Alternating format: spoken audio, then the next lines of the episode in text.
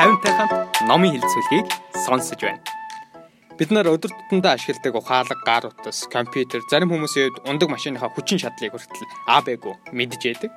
Тэгвэл та өөрийн тархины хүчин чадал түүний цар хүрээг хэр сайн мэдэх вэ?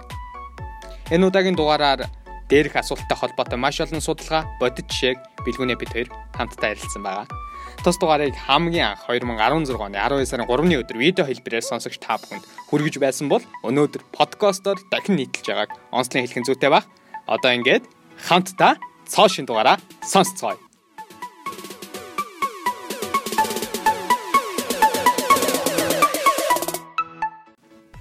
За тэгээ.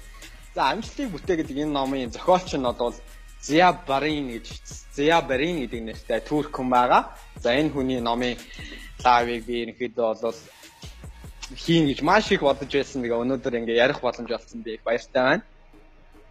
За энэ номын хамгийн ихний хэсэг дээр нь бол хүний тарих эзнийхээ хэрэгцээнээс илүү хөгжсөн машинтай адилхан байдаг гинэ. Тийм болохоор одоо чинь танд ямар нэгэн хэрэгцээ байдаг. Гэхдээ тэр хэрэгцээнээс илүү төвшин автоматлагдсан. За жирийн нэгэн компьютер сүүлийн гарч байгаа компьютероос хэд дахин илүү хүчин чадалтай зүйл бол таны тарих юм байна гэдгийг шинжлэх ухаанчид эрдэмтэд аль хэдийн энэ баталсан байна. Тэгэхээр энэ дээр би нэгэн сонирхолтой жишээ хэлье.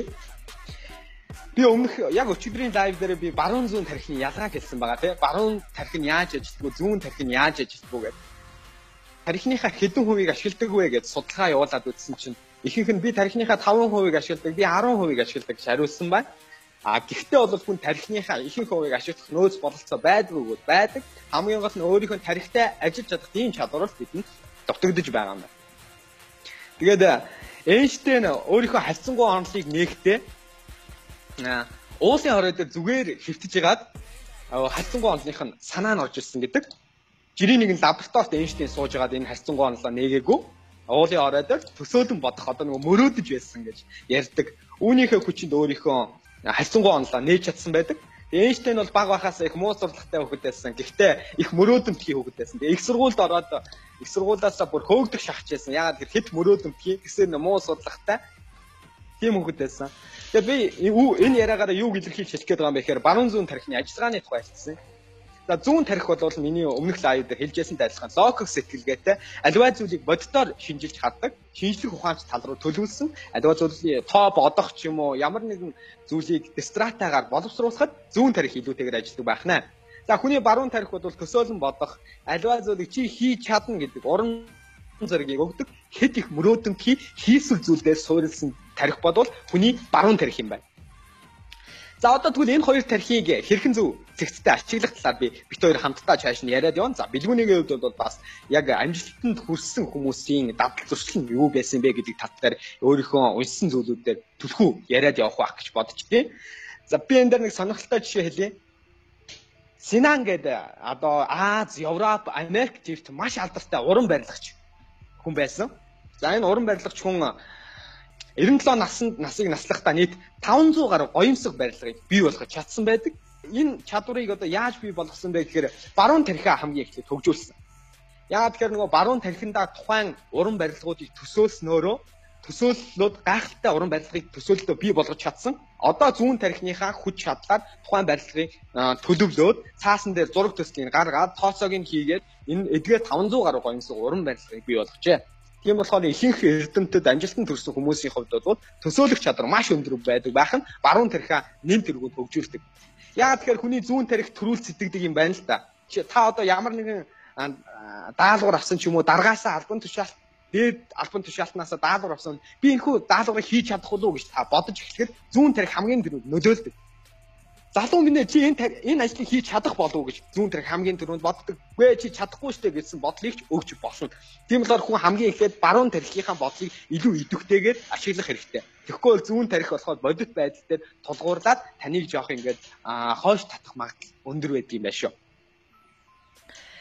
Тийм болохоор нөгөө зүүн тарих төрүүлдэгэ гэдэг яриад байгаа. Тийм болохоор зүүн тарих ямар ч тохиолдолд төрүүл сэтгэдэг.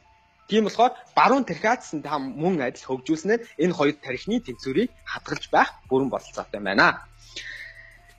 За тэгвэл одоо зүүн тархи төрүүлж яваад байдаг юм бол зүүн тархийг саарамж болох ямар арга байна вэ гэдэг дээр би энэ уншсан зүйлээсээ та бүхэнд сонирхолтой байдлаар битээр ярьж өгье. зүүн тархиа саарамжуулах сөрөг утга саарамжуулах нэг арга нь юу вэ гэхээр сөрөг утга илэрхийлсэн үгсийг өөрийнхөө оюун бодлоос авч хаях хэрэгтэй. Ингэсэн тохиолдолд таны зүүн тарих аяанда саармжиж эхэлнэ.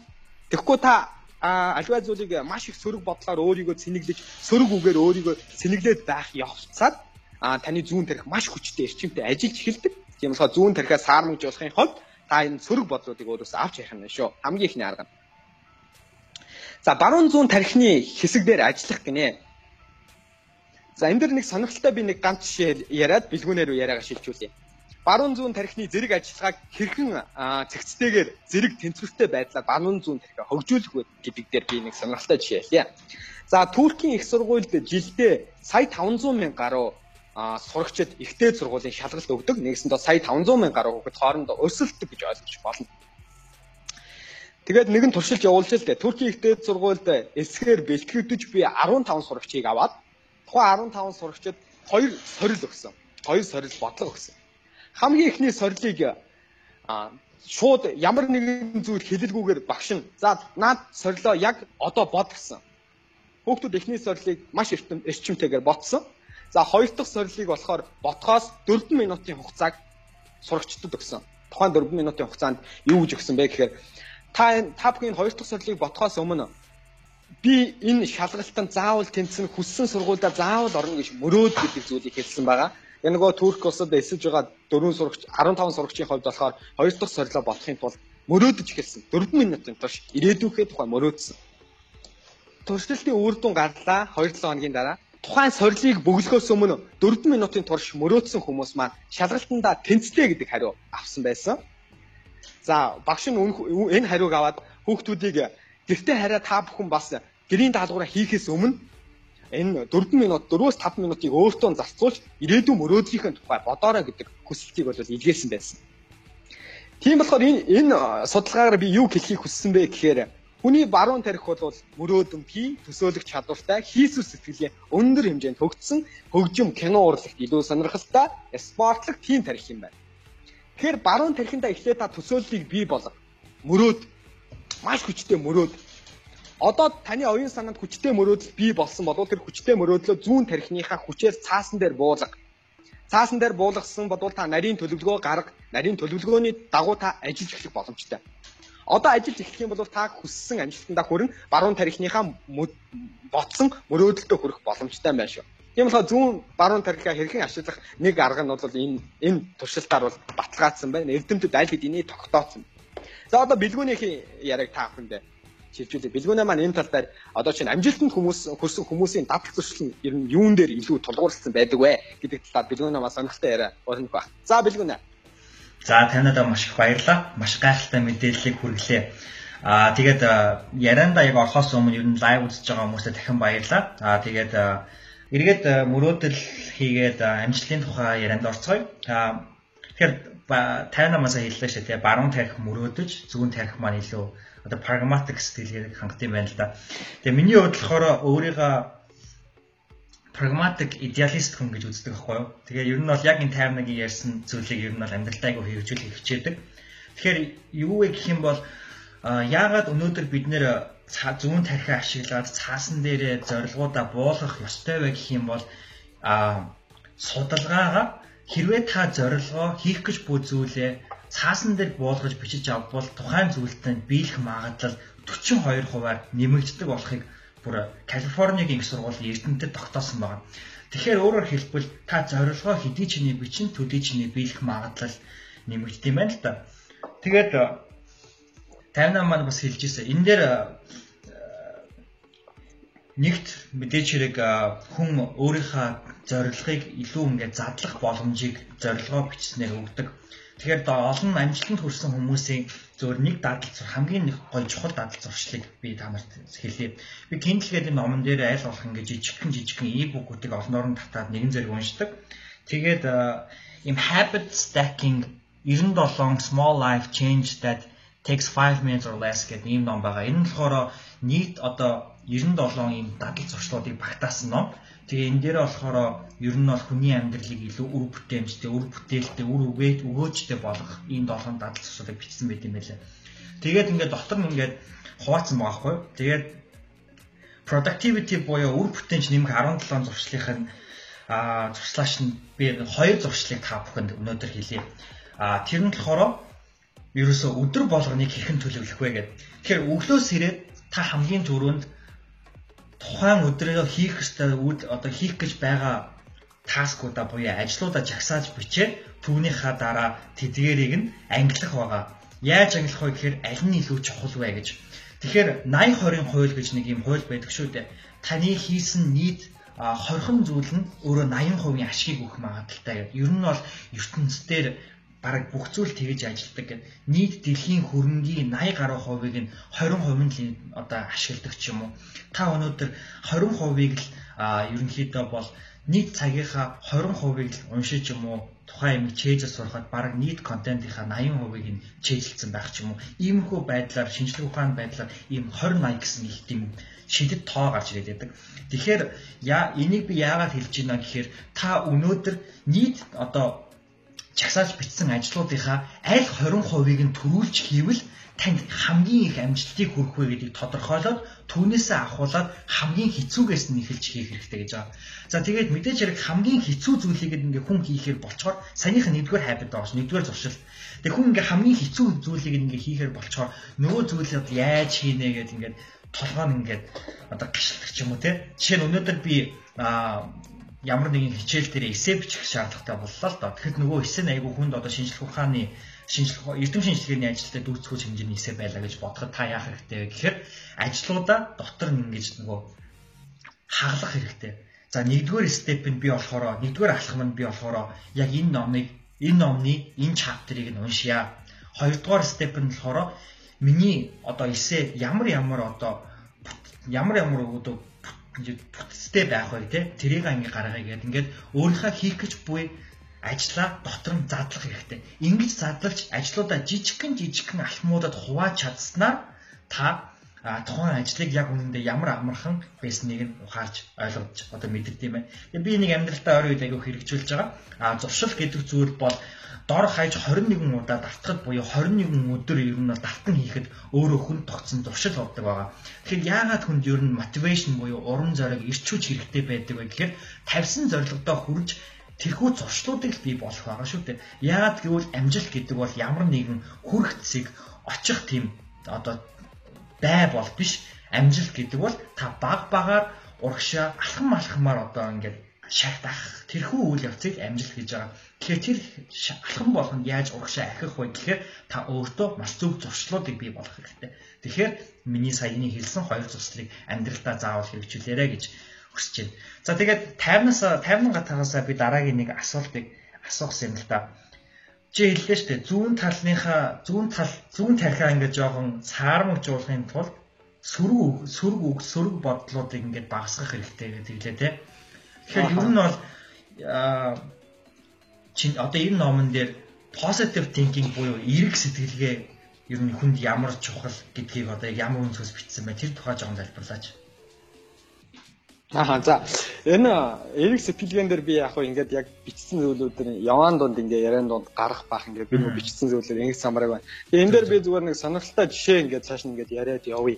Тэгэд энэ жишээнүүд дээр ингээд хариулт нь баг багаар ингээ гарч иж магадгүй. Хүний зорилгоо тархиныхаа ойлгоцын төвд танилцуул гэдэг нэг үг байгаа даа байхгүй билгэнэ. За. Хүний тархины ойлгоцын төвд гурван зүйл байдаг юм байна. Ямар зүйл байдаг вэ гэхээр хамгийн эхнийх нь тархинд дүрсийн төв гэж байдаг. Хоёр дахь нь ярианы ойлгоцын төв гэж байдаг.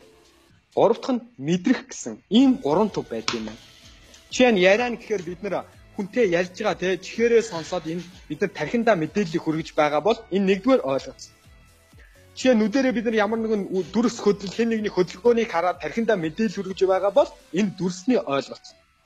Бид нар хоол идээд ч юм уу хэн нэгний тэрвэрлэг энэ мэдрэмжийг авж байгаа аваад тархиндаа мэдээлэл өгж байгаа энэ мэдрэхүй ойлгоц. Тийм болохоор та өөрийнхөө зорилгыг илүү тодорхой нарийн болгосон бол одоо энэ хүү зорилгоо өөрийнхөө энэ хүү гурван ойлголцтой төвлөрүүлэх хэрэгтэй юм байна шүү. Тэгэхээр өөрийнхөө зорилгыг та өглөө болгон зорилгоо нэг нэгэнгүү тодорхойлсон бол ажлынхаа ширээний нүүрэн дээр, машиныхаа шилэн дээр, гэрийнхээ ханан дээр, нойлын өрөөндөө наа гэд байдгийн учир нь энэ юм байна л та. Яг тэгэхээр бид нар алхам тутамдаа нүдэрээ харж байгаа болохоор тархиндаа мэдээлэл өгч юм. За жишээ нь бид нэр тухайн зорилгыг чихээрээ сонсож байгаа бол бас тархиндаа өгж юм. Өдөр болгон түүнийг бид нар мэдэрч чадж байгаа бол тархиндаа мэдээллийг өгөөд илүү үр дүнд хүрэх болцоотой юм. Энэ нэг сонирхолтой жишээ. За хоёр дахь бэлгүүнээгээ асуусан асуултанд positive thinking буюу одоо thinking буюу эерэг сэтгэлгээний хувьд болохоор үргэлж амжилтын тухай та бод. Үргэлж амжилтын тухай бод. Майкл Жордны хэлсэн нэг үг байдаг. Майкл Жордан би хизээч амжилтын тухай амж би амжилтгүй болвол яах вэ гэж хизээч би бодож байгаагүй. Би зөвхөн амжилттай болохын тулд би юу хийх вэ гэж Майкл Жордан өөрөөсөө асуудаг байсан. Би амжилттай болохын тулд ийм зүйл хийх хэрэгтэй гэдэг асуудал дээр төвлөрдөг байсан нь Майкл Жорданы нэг давуу тал. Тийм болохоор үргэлж амжилтын тухай бодож бай тархинда. Тийм бол бас зүүн тархийг саармагжуулаад баруун тархийг илүү идэвхтэй ажилуулах нэг боломж юм байна шүү. За хүч оруулсан асуултыг асуу гэж байна. Эерэг эерэг асуултыг асуу өөрөөсөө.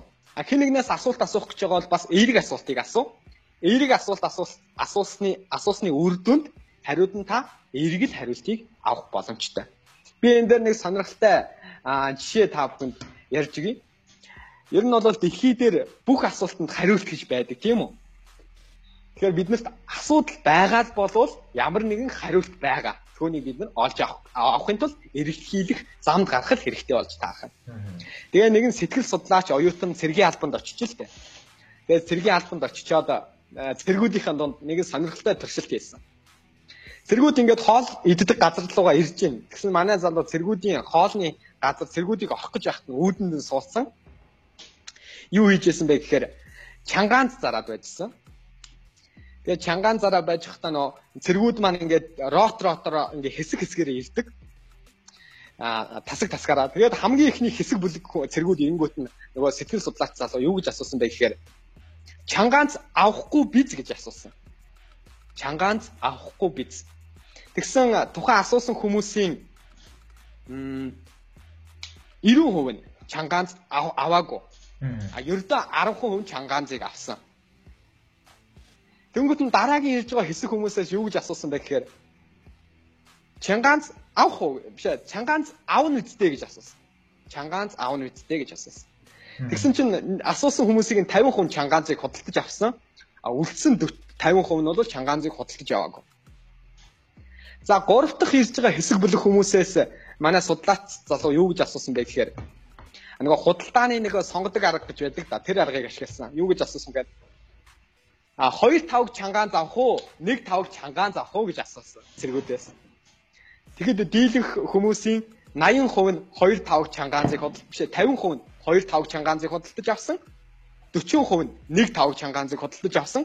Үлдсэн хэсэг нь 10% чангаанзыг худалдаж аваагүй. Тийм болохоор хэн нэгнээс та эерэг хариултыг хүлээх гэж байгаа бол эерэг асуултыг асуу. А үр дүн нь бол иймэрхүү гайхалтай байх юм. Бизнесийн салбарт ч тэр хайлттай найз өхнөөс нь хайлттай бүсгүйгээс үйлдэх санал тавих гэж байгаа бол бас энэ тодорхой хэмжээний ач холбогдолтой. Тийм болохоор хүнээс эерэг асуулт тавьж сурах нь одоо нэг том давуу тал юм байна. За би сүүлийн нэг жишээ хэлье. Тархиа үр бүтээлтэй ашигла гэж байгаа. Энэ номын зохиолч одоо Зя Барин гэдэг энэ эрхэм жишээ нь маш олон семинар тавьж явдаг хүн байсан байна л да Туркэд. Тэгээд онгоцонд нэг удаа 16 цаг нисэх болоод За маш сайхан ном унших боломж олдлоо. Биш 6 цаг нисэх болоод тэгээд тэгээ ном уншихаар болоод нэг ном барьж аваад ингээ унших гай сууж л та онгоцсон дотор. Тэгсэн чинь яагаад ч юм ном унших сэтэл ногт төрөөгөө. Тэгээд уур нь хүрээд толгой нь өвдөөл Тэгээ өөрт байдаг нэг ном унших сэтэл төрүүлдэг нэг гоё арга байдаг гинэ. Тэр нь ямар арга вэ гэхээр өөрөөс нь өөрийнх нь өнгөрсөнд дурсагдсан маш сайхан дурсамжуудыг эргэн сандаг. 2-7 хоногийн өмнө болсон ч юм уу үйл явдлаа би бүх сайхан дурсамжуудаа тархиндаа ургуулan боддог. Тэгээд хэсэг 4-5 минут боцсны үр дүнд эргээд номоо бариад нөгөө уншиж байсан хуудаснаас үргэлжлүүлээд уншихаар унших хүсэл эрмэлзэл маш ихээр төрдөг юм байна. Тэгэд хүний тарих бол тийм сонин тарих байх нь. Эерэг зүйлээр байнга цэнэгдээд байх юм бол хүний тарих маш хурдан сэдлийг аваад эрчимтэйгээр ажиллах болцоотой. Өөрийнх нь нэг жишээн дээр батлал да сонирхолтой та бүхэн сонссон бах янз бүрийн юм жишээнүүд. Би одоогоос 8 жилийн өмнөх төрсөн өдөр дээр ямар найзууд маань ирж байсан, яаж төрсөн өдрөөр тэмдэглэж байсан би маш сайн сандаг. Хаана ямар царайтай хүмүүс бид нар ямар тоглоом тоглож, ямар сэдвийн хүрээнд ярьж байсан сайн сандаг. 8 жилийн өмнөх үйл явдал шүү дээ. Гэтэл 8 хоногийн өмнө болсон үйл явдал юм уу? За магадгүй өчигдөр би болсон үйл явдлын тухай тэр залуу надад юу гэж хэлчихлээ гэдээ ингээд санах гэж санаж чаддаг байхгүй. Тэгэхээр хүний тарих өөрөө үргэлж ингээд баяр баясгалантай, маш хөгжөөнтэй, эерэг зүйлсүүдээр ингээд цэнэглээд байх юм бол огтхонч мартагддаг юм байна. Энэ бол их тарихны бол нэг онцлог юм байна. Шинжлэх ухаан бол үнийг аль хэдийн нотлсон. Одоо нөгөө амжилттай яваад байгаа эрхмүүд үрс үүнийг мэддэг, амьдралдаа хөвшил бодгоод явцсан хүмүүс байгаа болохоор амжилттай яваад байгаа юм байна гэдгийг нэг илрэл юм болоо гэж миний хувьд бодож байна. За бэлгүүнээ яриагаа шилжүүлээ. Бэлгүүнээд энэ дээр нэмээд бас ургуулад хэлэх ямар санаа байна. За маш их баярлалаа. Маш гайхалтай мэдээлэлүүдийг өглөө. Аа тэгээд чи сая одоо юуны тухай ярьлаа тий. Дурсамж гэж хүнд ер нь яагаад дурсамж гэдэг зүйл маш чухал вэ гэхээр энэ танд хамгийн гол нь маш гайхалтай мэдрэмжүүдийг эргүүлэн өгдөг. Тэгэхээр хүнийг ер нь бол юу ингэж айгүй хөдлөгдөг, урагш тэмүүлүүлдэг вэ гэх юм бол яг тэр нөгөө сайхан мэдрэмжүүд гэж байгаа байхгүй? Ерөөсөө хүн хэрвээ сөрөг бодолд автагдаад сөрөг мэдрэмжинд автагдаад байх юм бол та ерөөсөө өөрийнхөө амжилтаас хойш татж байна гэж ойлгох хэрэгтэй. Одоо ингээ 2016 он дуусаад 2017 он эхлэх чинь те. Гэтэл одоо хүмүүс маань ингэж байгаа. Би зөвхөн ингэж бодож байгаа хүмүүс олон байгаа гэж бодож байна. Би 2016 онд нэг юм хийж бүтээсэнгүү дээ. Би нэг одоо хүний хоогоо шинэ одоо төвшин дахиж чадсангүй дээ гэл те би шинэ хэл сурна гэжсэн сурч чадсангүй дээ гэл ингээл нөгөө нэг сөрөг зүйлүүд дээр л хамаг анхаарлуудаа ингээд авчираад идэг. Юуг чадаагүй, юунд хүрч чадаагүй гэл. Гэтэл яг үнэндээ бодит байдалтай та маш олон зүйлд хүрсэн байгаа шүү дээ та шинэ үг сурсан байгаа англи хэл дээр ч юм уу те шинэ үг сурдаг хэл дээр олон хүнээс сурсан байгаа та хүнтэй яаж зөв гар барьж суух сурсан байгаа? Та хүнтэй яаж зөв харьцах уу сурсан байгаа? Та доор хаяад бие хэрхэн олон зөв авч явах уу гэдгийг л юм сурсан байгаа. Мэдээж хэрэг хичээл сууж байгаа бол хичээлүүдээс асар олон шин зүйлүүдийг сурсан байгаа. Тийм учраас та өөрийгөө өөрийгөө өөртөө өргөлж баярлж байгаа хэрэгтэй. Нэг ухаантай хүн нэлсэн байдгийг. Одоо том болсон хүн те насанд хүрсэн хүн өөрөө өөртөө баярлаж чаддаг. Харин насанд хүрээгүй буюу бие хүн болж төлөвшөөгүй хүн бусдаас өөрийг нь одоо магтаалах тийм магтаалын магтаалын үгүүдийг хайгаа сууж идэг гэж байна. Тэгэхээр том болсон хүн бол яалтчгүй өөрөө өөрийгөө магтаж, өөрөө өөртөө урам өгч, өөрөө өөрийгөө зоригзуулж, өөрөө өөрийгөө сэтэлцүүлж байх хэрэгтэй гэж байгаа шүү. За тэгэхээр энэ дээр бас нэг хоёр дахь зүйл маань би зөвхөн өдрийн тэмдэглэлийн ач холбогдлыг хэлгэсэн Бенджамин Аа яг үнэ. Бенджамин Франклин нэгэнтээ ингэж хэлж ирсэн байна. Амжилттай яваа хүн гэдэг бол таны муу зуршлуудаас нь сайн зуршлуудыг нь биш сайн зуршлуудаас нь муу зуршлуудыг нь хасаад үлдсэн сайн зуршлууд нь таныг аа сайн хүн болгодог, амжилттай хүн болгодог тэр зүйлүүд байгаа гэж байгаа. Тэгэхээр би түрүү хэлсэн. Яагаад өнөөдөр биднэрт зуршил гэдэг зүйл асар хэрэгтэй вэ гэхээр а мотивашн буюу сэрэл гэдэг зүйл бол таныг эхлүүлдэг зүйл. Гэтэл өнөөдөр бид нар хэн хүн болгон өглөөс ирэл ёо би ястай ирч хүчтэй байна. Өнөөдөр би ястай ингээл амжилтанд хүрнэ. Өнөөдөр би хүссэн болгондоо хүрнэ гэл хүн болгон өдөр болгон тэгээс ирдэггүй шүү дээ. Гэтэл бид нарыг юу урагшаа явуулдаг вэ гэхээр нөгөө сурсан зуршлууд байгаа. Тэгэхээр өдрийн тэмдэглэл хөтлөн гэдэг бол би өөрөө маш хамгийн гайхалтай зуршлуудын нэг гэж боддог. Миний амьдралдаа хэрэгжүүлсэн хамгийн зөв зуршлуудын нэг бол яалч өдрийн тэмдэглэлээс. Тэгээ яагаад вэ гэхээр сая 58 маа нөгөө дурсамжуудын талаар ярьлаа л да. Өнөөдөр бид нэр амьдралыг айгүй том том үйл явдал, том том ивэнтүүдээр төсөөлдөг. Өнөөдөр би ахлах сургуулаа төгссөн тэр ивент ч юм уу те. Эсвэл одоо юу гэдгийг олон хүмүүсийн өмнө ихтгэл тавиад тэр маань амжилттай болсон гэж ийм том том зүйлүүдээр бид нэр амьдралыг төсөөлөл би сайхан амьдарч ин да гэж бодоод байдаг. Гэтэл яг үнэндээ өнөөдөр бид нэр амьдрал бол асар жижигхэн зүйлүүдээс эхэлдэг гэж би хэлдэг. Тэгээд одоо юу гэдгийг өнөөдөр би өглөө гэрээсээ гараад явж байхад нэг эмэгтэй над руу хараад нэг эмэгтэй над руу хараад сайхан нэмсгэлжлээ тий. Тэр нэмсгэлэл надад ирч хүч урам зориг өгсөн болохоор би цаашаага нэмсгэлээд өөр хүмүүст одоо баяр хөөр ч юм уу бэлгэлэх боломжтой болно. Өнөөдөр магадгүй энэ лайвыг үзэж байгаа хүмүүс бид бид хоёроос ганц зүйл ч гэсэн сураад ах зүйлийг нь аваад гэх зүйлийг гээгээд амьдралдаа хэрэгжүүлж байгаа бол тэр жижиг алхмаас таны амьдрал эхэлдэг. Гэтэл өнөөдөр бид нэр тэр том зүйлүүдэл тэмдэглэдэг болохоос ш жижиг зүйлүүдэд бичдэг юм байна л да. Манай найз охин бол чинь гадаадд амьдарч байгаа хүний хувьд бол манай гэр бүл, манай найз охин, одоо манай найзууд те төвшөд толж байгаа энэ хүмүүс л миний амьдралыг ер нь бол угшин тэмүүлж өгч байгаа шүү дээ. Яг ингээ ажлын ярилцлага орохын өмнө орохын өмнө 58 маань нэг хийд ороод Монгол надад хиймэрийн сан тавиулаад бас бас өөр номнууд уншсан байгаа байхгүй. Тэр ном надад үнэхээр шууд ингээд миний амьдрал одоо миний замыг дардан болгосон үгүй би мэдэхгүй. Гэхдээ хамгийн гол нь тэр хүний сэтгэл надад амар гоё байгаа байхгүй. Би тэрийг ингээд үдэм тэмдэглэлтэй оройн шиг бичиж байгаа ш таймна өнөөдөр надад ном уншуулсан байлаа гэл тэ. Тэгэл одоо би ингээд 16 оноо ингээд дүгнэх ингээд одоо 16 оны турш ингээд бичсэн бүх дурсамжуудаа ингээд ер нь бол би бүгдийг одоо уншиж байгаа.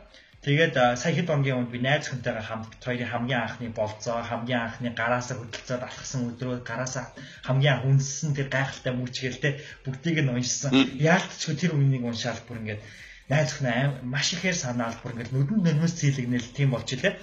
Тэгээд тийм учраас өдрийн тэмдэглэл заавал хөтлөөрэй. Тэр гайхалтай мэдрэмжүүдийг танд эргээгээд авчирна. Тийм учраас одоо юу гэдэг хол зайд байгаа миний хувьд те хурдан найз хүнтэйгээ уулзах тэр алхмуудыг би хайж эхэлнэ 58 маа намайг тэгж баярлуулсан болохоор би 58-ийнхаа итгэлийг алдахгүй тул тухайн ажилдаа илүү гарах гэж би хичээх боломж гэдэг юм.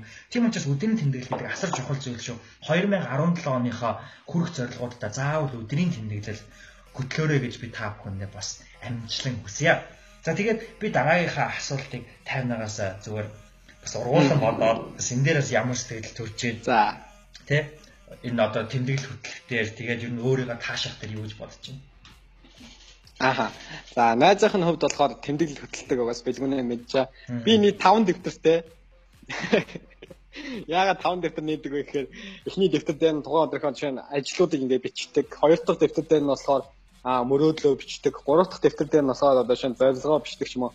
Дөрөв дахь дэвтэр дээр нь болохоор суусан лекц болон семинар ч юм уу одоо нөгөө гайхалтай мондог хүмүүсийн ихтгэл суугаад тэрнээс авах зүйл юу бай те онлайнаас сонссон ихтгэлүүдийн гоё ишлэлүүдийг би тэр дэвтэр дээр бичдэг. Энэ таван дэвтэр бол нээчээд байж байгаа. Тэгэд би энэ нэг сонирхолтой судалгаа хэлье. Яг бэлгүүнийг энэ хэлсэн дээр ашиг бүгд өгөхөд өгөхөд Ийлийн их сургуульд сурдаг оюутнуудын дунд нэгэн судалгаа явуулжээ. А тухайн судалгаанд та өөрийнхөө ирээдүйн 5 10 жилийн зорилгоо цаасан дээр бичнэ үү гэдэг асуулга явуулж. Гэтэл тухайн судалгаа авсан хүмүүсийн 3% нь бүх зорилгоо нэг нэгэнгүү бичээд би 5 жил 10 жилийн дараа ийм ийм төлөвлөгөөтэй байх болно гэж зорилгоудаа нэг нэгэнгүү бичсэн. 97% нь болохоор надад ямар нэгэн тодорхой зорилго алгаа гэж цаасан дээр бичсэн. Энэ 1957 онд явуулсан судалгаа шүү. 53 онд. Тэгээд 20 жилийн дараа 1973 онд судалгаа авсан хүмүүсээс яаж амьдарч чинь гэж судалгаа аваад үзсэн чинь нөгөө зорилго өдөр болгон зорилгоо бичдэг нөгөө хүмүүс 3% биш нийт хүн судалгаа авсан хүмүүсийн 3% нь маш амжилттай явж байгаа инженерүүд болцсон амьдралдаа өөрийн гэсэн хөлөө олцсон бизнесмен болцсон тиймэрхүү хүмүүс байсан. За үлдсэн 97%-ийн амьдралыг харах юм бол ихэнх их нь амьдрал нь тогтворгүй, ямар нэгэн байсуураа олоогүй, өндөр албан тушаалд очиагүй тиймэрхүү хүмүүс байсан. Тэгэхээр энэ жишээн дээр би юу гэж хэлэх гээд байна гэхээр цаасан дээр өөрийнхөө зорилгыг өдөр болгон тэмдэглээд явах нь бол ямар үр дүнтэй болохыг дэлхийн нийт даяараа үнийг мэдээд байна. Бид өөр өмнөх лайваараа бүр баг 4 5 биш ээ. 5 лайвын өмнөх дэлхийг захиж би 30 эрхэм гэдэг энэ номон дээр сахиурийн хөндийг ноёлж байгаа энэ эрхмүүдийн амьдралын тухай ингээд харахад бол тэд нар маш төлөвлөгөөтэй ажилладаг байсан байгаа. Маш том зорилгыг бүр 6 наснаас 7 наснаас эхлээд дэлхийн хэмжээний хүн болно гэдэг зорилгоо тодорхойлсон байсан. Тэгээд бид нар дэлхийн хэмжээний хүн болж чадсан уу бол болсон. Тийм болохоор энэ тэмдэглэл хөтөл зорилго бичих бол нэгдүгээр маш том хэрэгтэй зүйл юм. Тэгээд хүмүүс иймэрхүү юм асууж байж магадгүй. Тэмдэглэл хөтлөхөөс гадна ном унших. Энэ бол хамгийн том давуу тал. Бид нэр зөвхөн хичээл боловсрлоос биш өөр дэлхийд даяар болж байгаа үйл явдлуудыг бид нар энэ номноос мэдэх бүрэн болцоотой. Тэгвэл одоо та бүхэн асууж иж магадгүй ном унших сэтэл төрөхгүй байна. Би тийм их ном унших сонирхол байдаг. Гэхдээ яг ингээ ном бариад суухаар ингээ би уншиж чадахгүй байгаад байна гэдэг хүмүүс маш олон байдаг. Тэдгээр хүмүүс зориулж би нэг юм сонирхолтой жишээг ярьж гээ бодд үйл явдал. Энэ номны зохиолчтой тохиолдсон үйл явдал. Нэгэн байгууллагын инженерүүдэд энэ манай зохиолч маань лекц ороо байж ижил тэ семинар ороод. Тэгээ байдсан нэгэн инженер гар өргөд Ибрахим гэдэг инженер. Сайн байна уу? Би танаас нэгэн асуулт асууж болох уу гэв. Оо мэдээж бололгүй яах вэ гэд.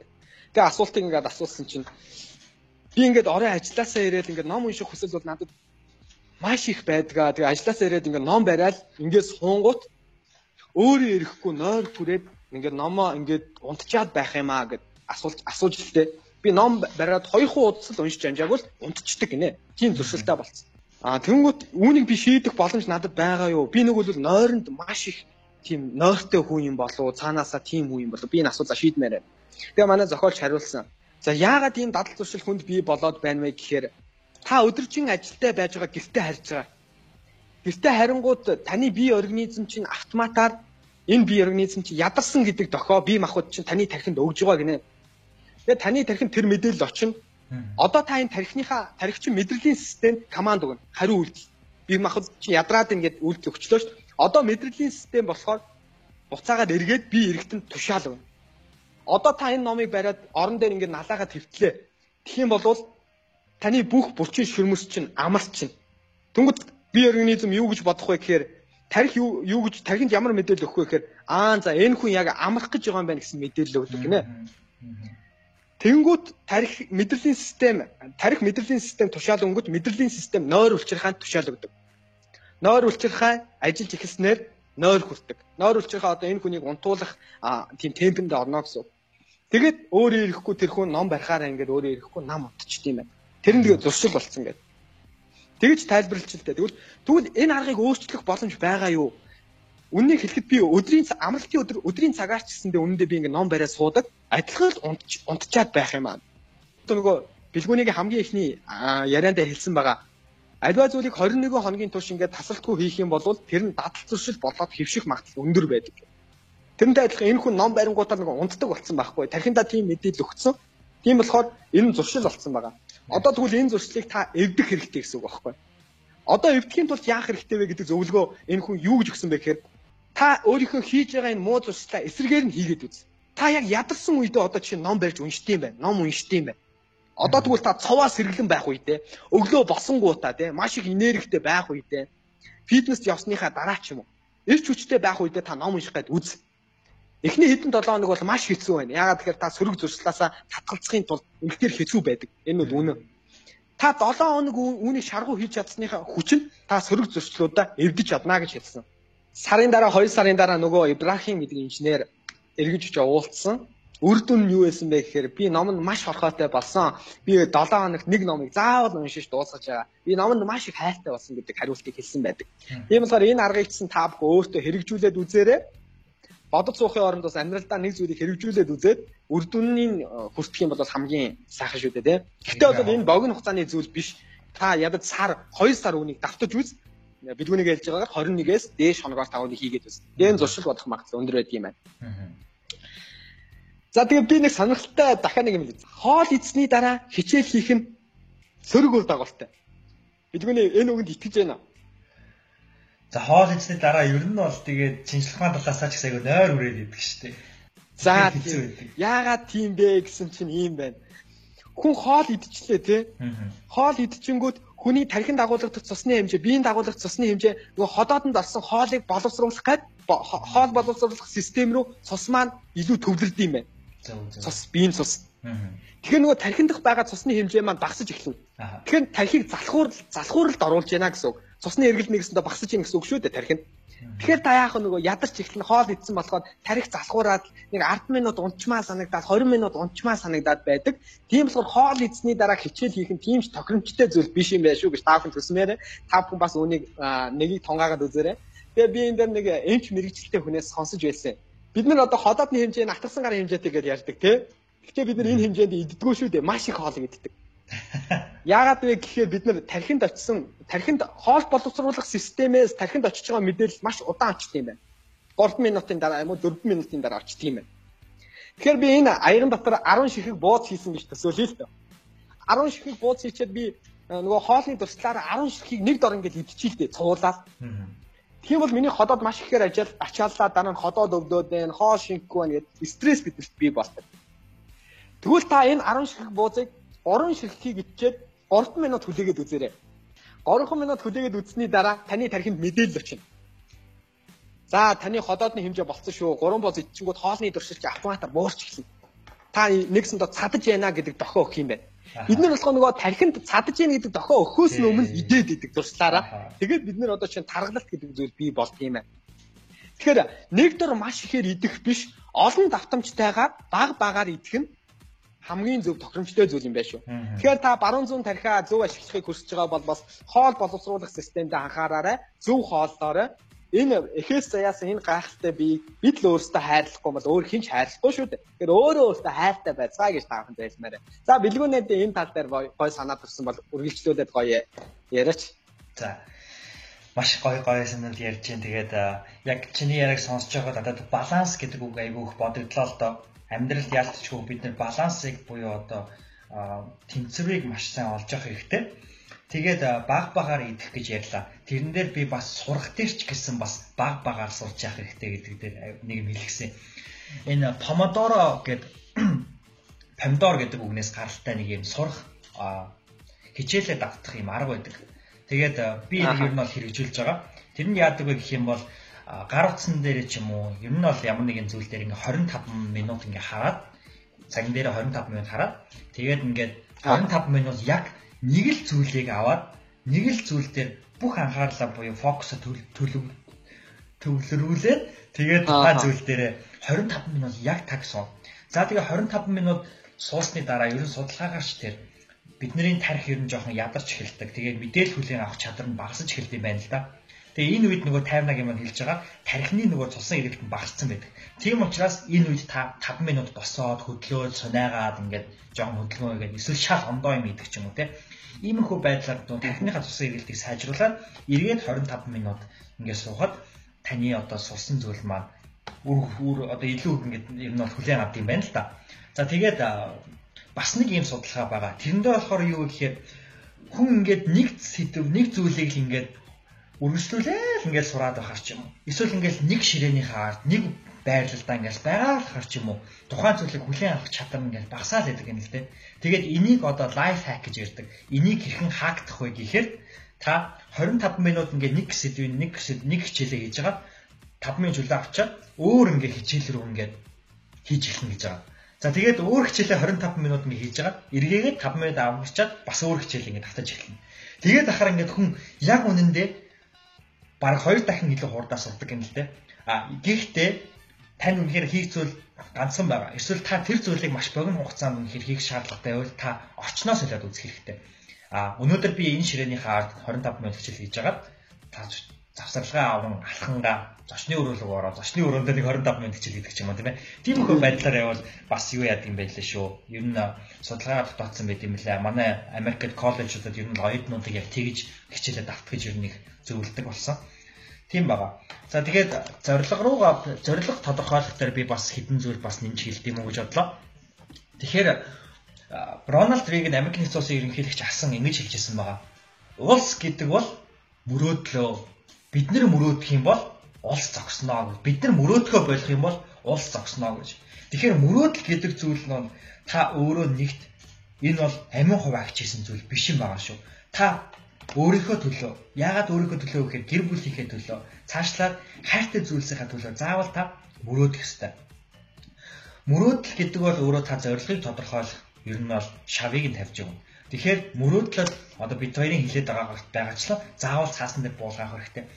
Яаж цаасан дээр буулган авах вэ гэдгийг арай нарийн ярих юм бол зорилго мөрөөдлүүдээ та хоёр хуваах хэрэгтэй. Юу вэ гэх юм бол холын зорилгууд хийгээд ойрын зорилгууд Миний хувьд болохоор холын зорилгоудаа 40, 30, 15, 3 гэсэн жилүүдэд хуваадаг. А ойрын зорилгоудаа болохоор дараагийн 2 жилээ ер нь бол сар болгоныг нь нарийн гаргахыг хичээдэг. Тэгэхээр одоо би 2016 оны 12 сараас 2018 оны 12 сар хүртэлх 24 сарын төлөвлөгөөг ерөнхийдөө бол гаргана. А тэгээд тухайн одоо хамгийн ойрын сар гэж үзэж байгаа юм даа. Зэрэг 12 одоо дараа сарынхаа төлөвлөгөөг буюу 1 сар 17 оны 1-р сарынхаа төлөвлөгөөг илүү нарийн гаргана. За тэгэхээр миний удаас зорилгоудаа дотор нь яаж хуваадаг вэ гэхээр ингээ гурван бүлэг сэдв хуваацдаг байгаа шүү. Нэгт нь болохоор economics буюу одоо санхүү эдийн засгийн хувьд. Аа санхүү эдийн засгийн хувьд гэхээр та ер нь бол санхүүгээ хэрхэн зөв зөв сурах уу? Аа тэгэл юу гэдгийг бизнес эрхлэж байгаа бол тий ямар нэгэн төсөл санаанууд таны толгой дээр ялж байгаа бол тэр зүйлүүдээ ер нь бол эцэн эц танд ямар нэгэн инком буюу ашиг орлого оруулж ирж байгаа бол энэ таны санхүүгийн зорилгот ордог. За тэгэхээр хоёр дахь зүйл нь юу гэх юм бол а хүрхийг хийгээд авахыг хүсэж байгаа зүйлүүд ч гэх юм уу. Ер нь бол ингээд авахыг хүсэж байгаа зүйлүүд гэж байгаа. Тэгэхээр ер нь бол авах ингээд зүйлүүдээр нь бүгдийг тэмдэглэн гэж үзнэ.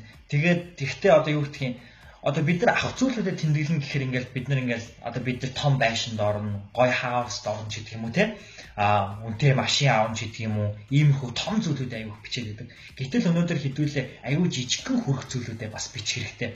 А юу гэдгийг би өнөөдөр зүгээр интернетээс одоо би өөрийнхөө үр бүтээмжийг ихсгэх нэг номыг олж уншаад өнгөө өнгөө анх татнаа ч гэдэг юм уу те. Иймэрхүү жижиг зүйлүүдээр бүгдийг тэмдэглээд а нөгөө том зүйлүүдээ та авах үедээ та баярлж өөртөө хамт ч юм уу найзуудтайгаа хамт баяр тэмдэглэл сурах хэрэгтэй. Яагаад гэвэл би удаа боддгийн бид нар хоёр зүйлээс өсөн дэвждэг. Нэгт бол ялагдлаасаа бий болсон өвдөлт те. Хоёр нь болохоор ялалтаасаа авсан тэр кайф. Ийм хоёр зүйлээс ер нь бид нэр урагшаа тэмүүлдэг байх гэж боддог. Өөрөө өөртөө баярлна, өөрөө өөрийгөө өөртөө өөртөө таалгах нь, өөрөө өөртөө баяр хүргэн, өөрөө өөрийгөө магтана гэдэг бол насан турш том болсон хүний шинж тэмдэг. Харин бусдаас одоо юу гэдгийг бусдаас одоо ингээл ямар мундаг юм байж гэх юм магтаал юу гэр чаана гэдэг бол насан туршаагүй би хүн хов хүн болж төлөвшөөгүй хүний одоо шинж тэмдэг шүү. Тэгэхээр а бас яагаад ер нь бол юу амьдралд юу авахыг хүсэж чинь юунд хүрэхийг хүсэж байна бичиж тэмдэглэх ёстой вэ гэхээр та юу өнөөдөр би жишээ нь өнөөдөр би энэ энэ зүйлүүд хүрнэ гэдгийг бичиж тэмдэглэлгүйгээр та одоо энэ амьдрал ялж гин үү эсвэл хожигдж гин үү гэдгээ тодорхойлох аргагүй. Юу гэдгийг би яагаад ер нь эцэг эцэст ингээд өнөөдөр би ийм ийм ажлуудыг бүтээнэ гэдэг вэ гэж бичдэг вэ гэхээр би ерөөсөө л тэр нь бичсэн юмныхаа ард энэ чек гэдэг энэ сайныг л одоо нөгөө нэг ийм ингэж тэмдэглэхгээл байгаа байхгүй. Тэрнээсээ би кайф авдаг.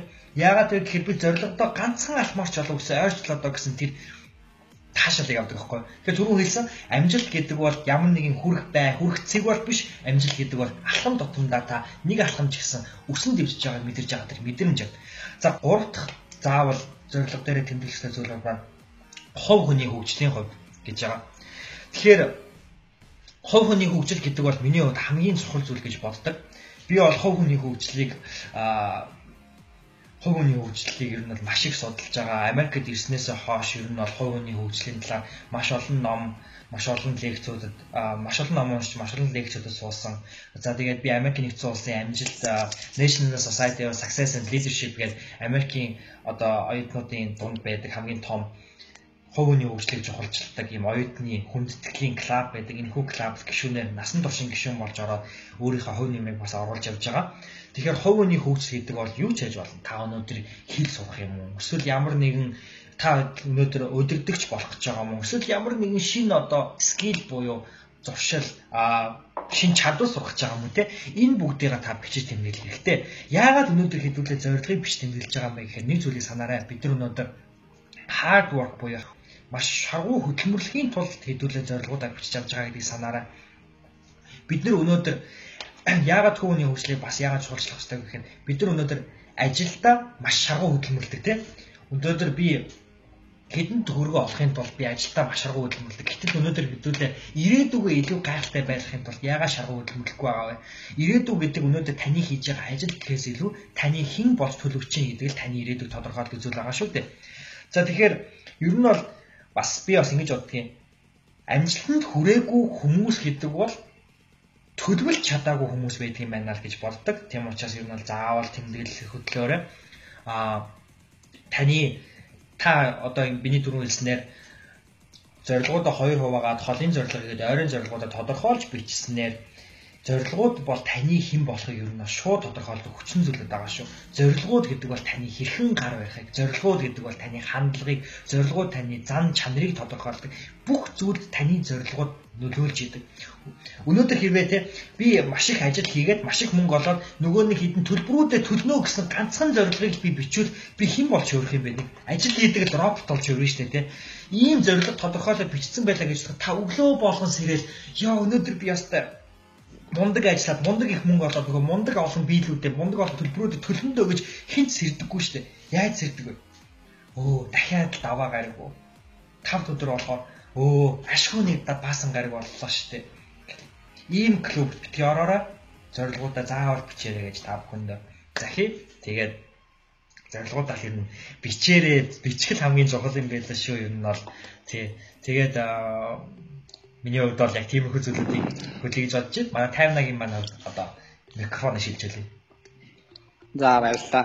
Хэлгүүнээ маань зөндөө гоё юм ярьлаа. Би бүр энэ лайва устдахгүй хадгалж байгаад өөрөө дараа нь үзмээр санагдлаа. Яагаад тэгэхээр би биенийхээ ярьсан зүйлүүдээс маш олон зүйлийг бас суралцгаар зүйлүүд маш гарч байна. За би одоо дараагийн сонирхолтой зүйлүүдийг ярья. Инээмсэглэл гэдэг. За инээмсэглэл яагаад чухал вэ гэж байна. Амжилтыг бүтээхийн тулд та маш сайхан инээмсэглэдэг байх ёстой. Чин сэтгэлээсээ Тэгээ инээмсэглэл бол бас нэлээд том чухал байсаар эзлэх зүйл юм байна. Нэг нь Norman Cousins гэдэг нэг өвчтөн байж л дээ. Norman Cousins гэдэг энэ өвчтөө өөрөө өвчтний анатом гэдэг номондоо өөрийнхөө өвчтнөө өвчнөөс хэрхэн ангижирсан тухайга бичиж үлдээсэн байдаг юм байна. За өөрийнхөө өвчнөөс хэрхэн ангижирсан бэ гэхээр энэ залуугийн хувьд үргэлж баяр хөөртэй кино үздэг үргэлж өөрийгөө зугаацад цэнгүүлэх зүйлд төвлөрдөг, найз нөхөдтэйгээ маш өвчлөлтэй зүйлийн талаар ярьдаг, үргэлж л инээж байдаг. Тэр өөрийнхөө өвчтөй гэдгийг мэднэ. Гэхдээ инээмсэгэлд өөрийнхөө тархины бүх мэдээллийг бий болгоснороо тархинд очиж байгаа нөгөө инээмсэглэл гэдэг энэ инстинктээрээ мэдрэлийн систем нь бие физиологид нь эргээд хариулт үзүүлэхдээ баяр баясгалыг сайн сайхан болгоныг бүх эргэтэн эргэтэн системд нь дамжуулж байдаг юм байна. Хүн өөрийнхөө өвчнийг ангаах бүрэн бололцоо байдаг гэдгийг энэ Кауз нь өөрийнхөө өвчтний өвчний антом гэдэг номондоо бичиж үлдээсэн байдаг юм байна. Тэгэхээр инээмсэглэл бол нэг талаараа ийм ашигтай зүйл байх нэ. Тэгэхээр одоо бүгдээрээ инээмсэглэж явцгаа. Инээмсэглэл нь хүний биед ямар өөрчлөлтийг бий болгодог вэ гэхээр би энэ дээр тавчхан нэг хоёр гурван зүйлийг уншаад өгье.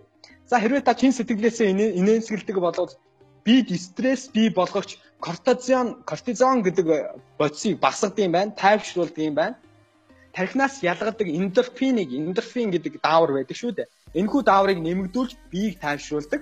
А тархины үйлдвэрлэгч төвийг ажилуулж улмаар үзэл бодлын өргөн хүрээтэй болно. Нэгсэндээ альва асуудлыг томоор сэтгэн гэж. Асуудлаа шийдвэрлэхэд ахиц гаргана. Аз турших дуртай болно. Тийм болохоор үргэлж хэлбэлээ инээнсгэлж залуу байгаа дээр хамгийн гайхалтай имиж хамгийн гайхалтай хувцлалт бол инээмсэглэл. Тийм болохоор инээмсэглэлээр үргэлж бие биендээ бэлэг барьжаа гэж таахын дэлмээр байна. Инээмсэглэл бол амжилтанд тодорхой хэмжээнд нөлөөлдөг юм байна. За дараагийн хэлэх гээд байгаа санаа нь бол дотоод ертөнцөө сонс гэж байна. Та өөрийнхөө доторх хүнтэй үргэлж өөртөө ярьж байгаа.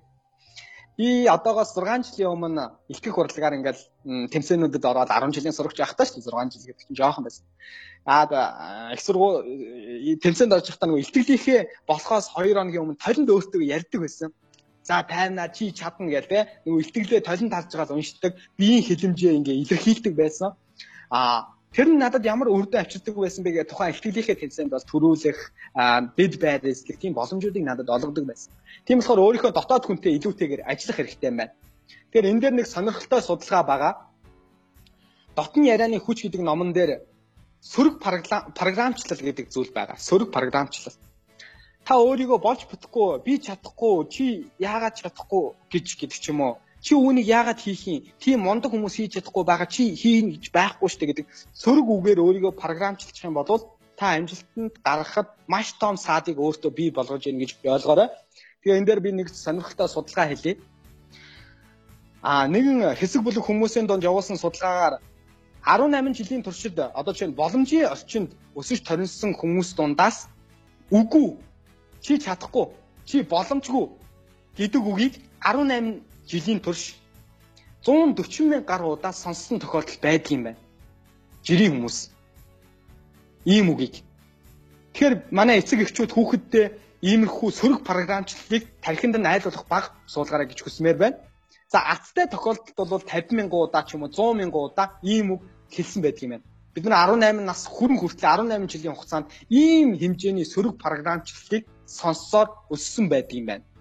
Энэ судалгаагаар Харин эсэргээрээ аа чи чадна те. Тийм ээ чи бол энэ дэлхий дээр цор ганц төрсэн хүн. Чи үүнийг л хийх гэж бүтээгдсэн хүн гэдэг энэ гайхалтай үгсийг хэдэн удаа сонссон бэ гэд үзэхэд 3 удаа тохиолдол бүр байна гэж байгаа байхгүй энэ судалгаанаас үзэхэд амар хачирхалтай. Ингээд бодоод үзэхээр энэ хоёрын судалгааны үр дүн бол харьцангуй ялгаатай төвшөнд байгаа.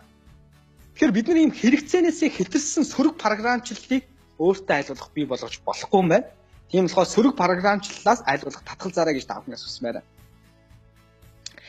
За тэг хүний тарих бол өөрөө цахилгаан химийн системээр ажилладаг.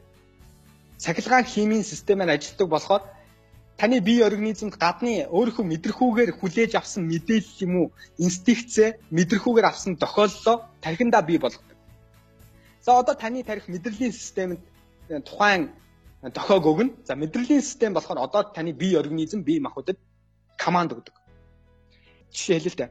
Та ингээд цоо ирүүс байхад хэн нэгэн найз чи орж ирэнгүүтээ би жоохон өвдсөн харагдаад байх юм.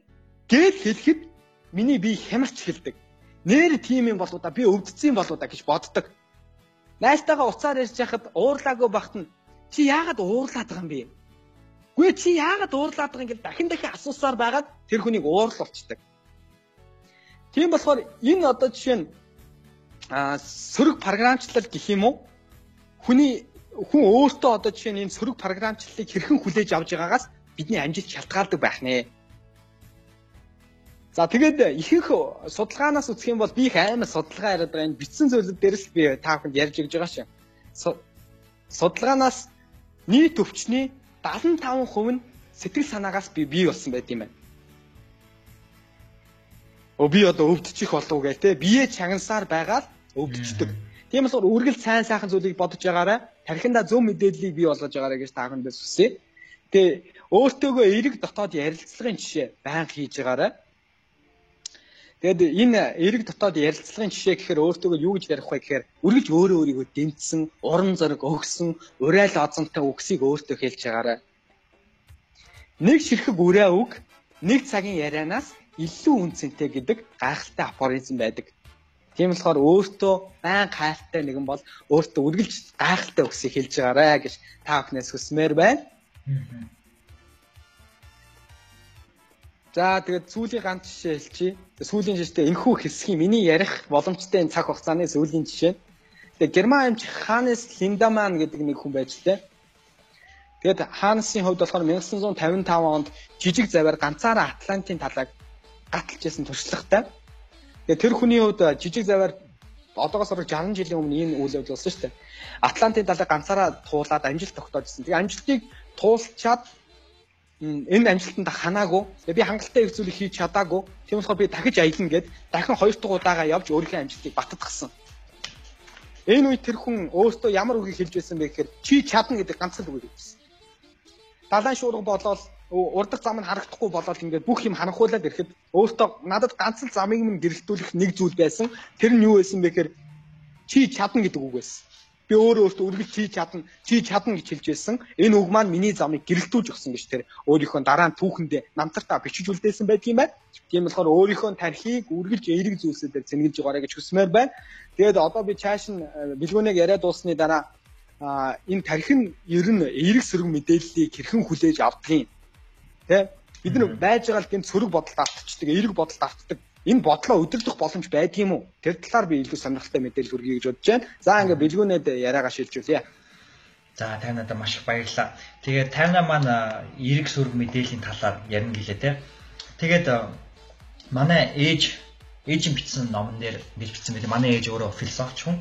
Тэгээд энэ үг толгоосоос гардаг мэдээллийн чанараас таны амьдралын чанар хамаарна гэж ээж маань хэлсэн байдаг. Тэгэхээр эрэг сүрэг мэдээлэл гэдэг бол асар чухал. А Хүний амьдралд ер нь бол хоёр тийм орчин байдаг.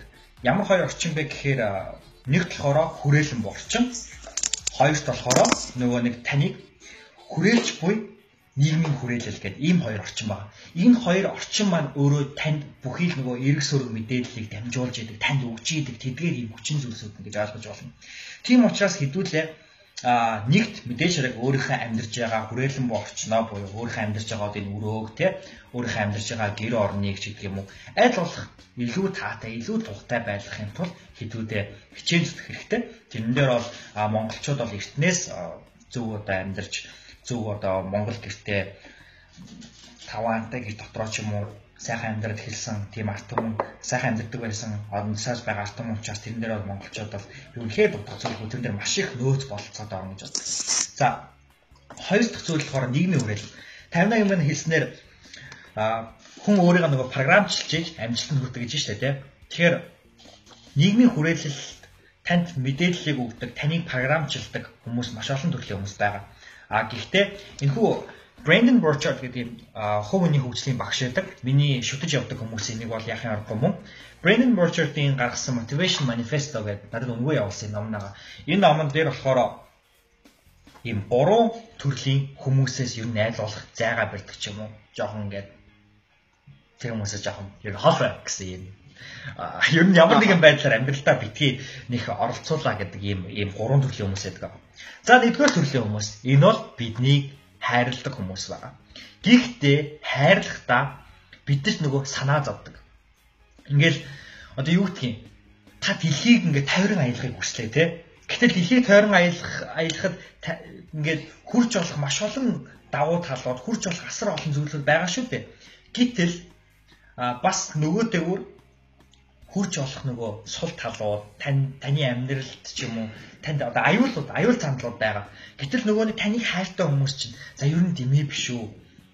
Чи ямар нэг асуудал орвол яах юм бэ ч гэдэг юм уу те. Ер нь яг тэр хүмүүсийг хэлдэг буюу санаа зовгч гэдэг мэдээ төрлийн хүмүүс байгаа. Энэ бол танд үнэхээр хайртай хүмүүс болохоор танд танд санаа зовсноосоо ч гэдэг юм уу. За ер нь наад санаа чинь дэмий хаа янз бүрийн асуудалд орчвол яа дий. Оо наадгаа илтгэл дээрээ тавьж яах юм бэ? Багш чинь чамайг том том дуурлаа гэвэл яадах юм гэл тийм их юм байдаг штэ. Тийм учраас ийм төрлийн хүмүүсээс зайгаа байхгүй. Гэхдээ ийм төрлийн хүмүүсээс өгж байгаа зөвлөгөөг аль болох хоёр хоёр одоо 7 хэмжиж нэг огт гэдэг шиг маш тунгаан бодож үнэхээр таны амьдралд энэ зөвлөгөө үнэхээр хэрэг болох нь таны зорьсон зорилго хүрхийг хүсэж байгаа мөрөөдөлт чинь энэ зорь энэ хүний хэлж байгаа энэ үс үнэхээр хэрэг болох нь үгүй гэдгийг заавал бодож үзэж явах хэрэгтэй гэж байна. За Хоёр дахь төрлийн хүмүүс нь болохоор аа сул дороочод, сул дороочод. Тэгэхээр сул дорой хүмүүс нь яадаг вэ гэхээр тэд таныг өөрөөс нь илүү гарна гэж айдаг хүмүүс.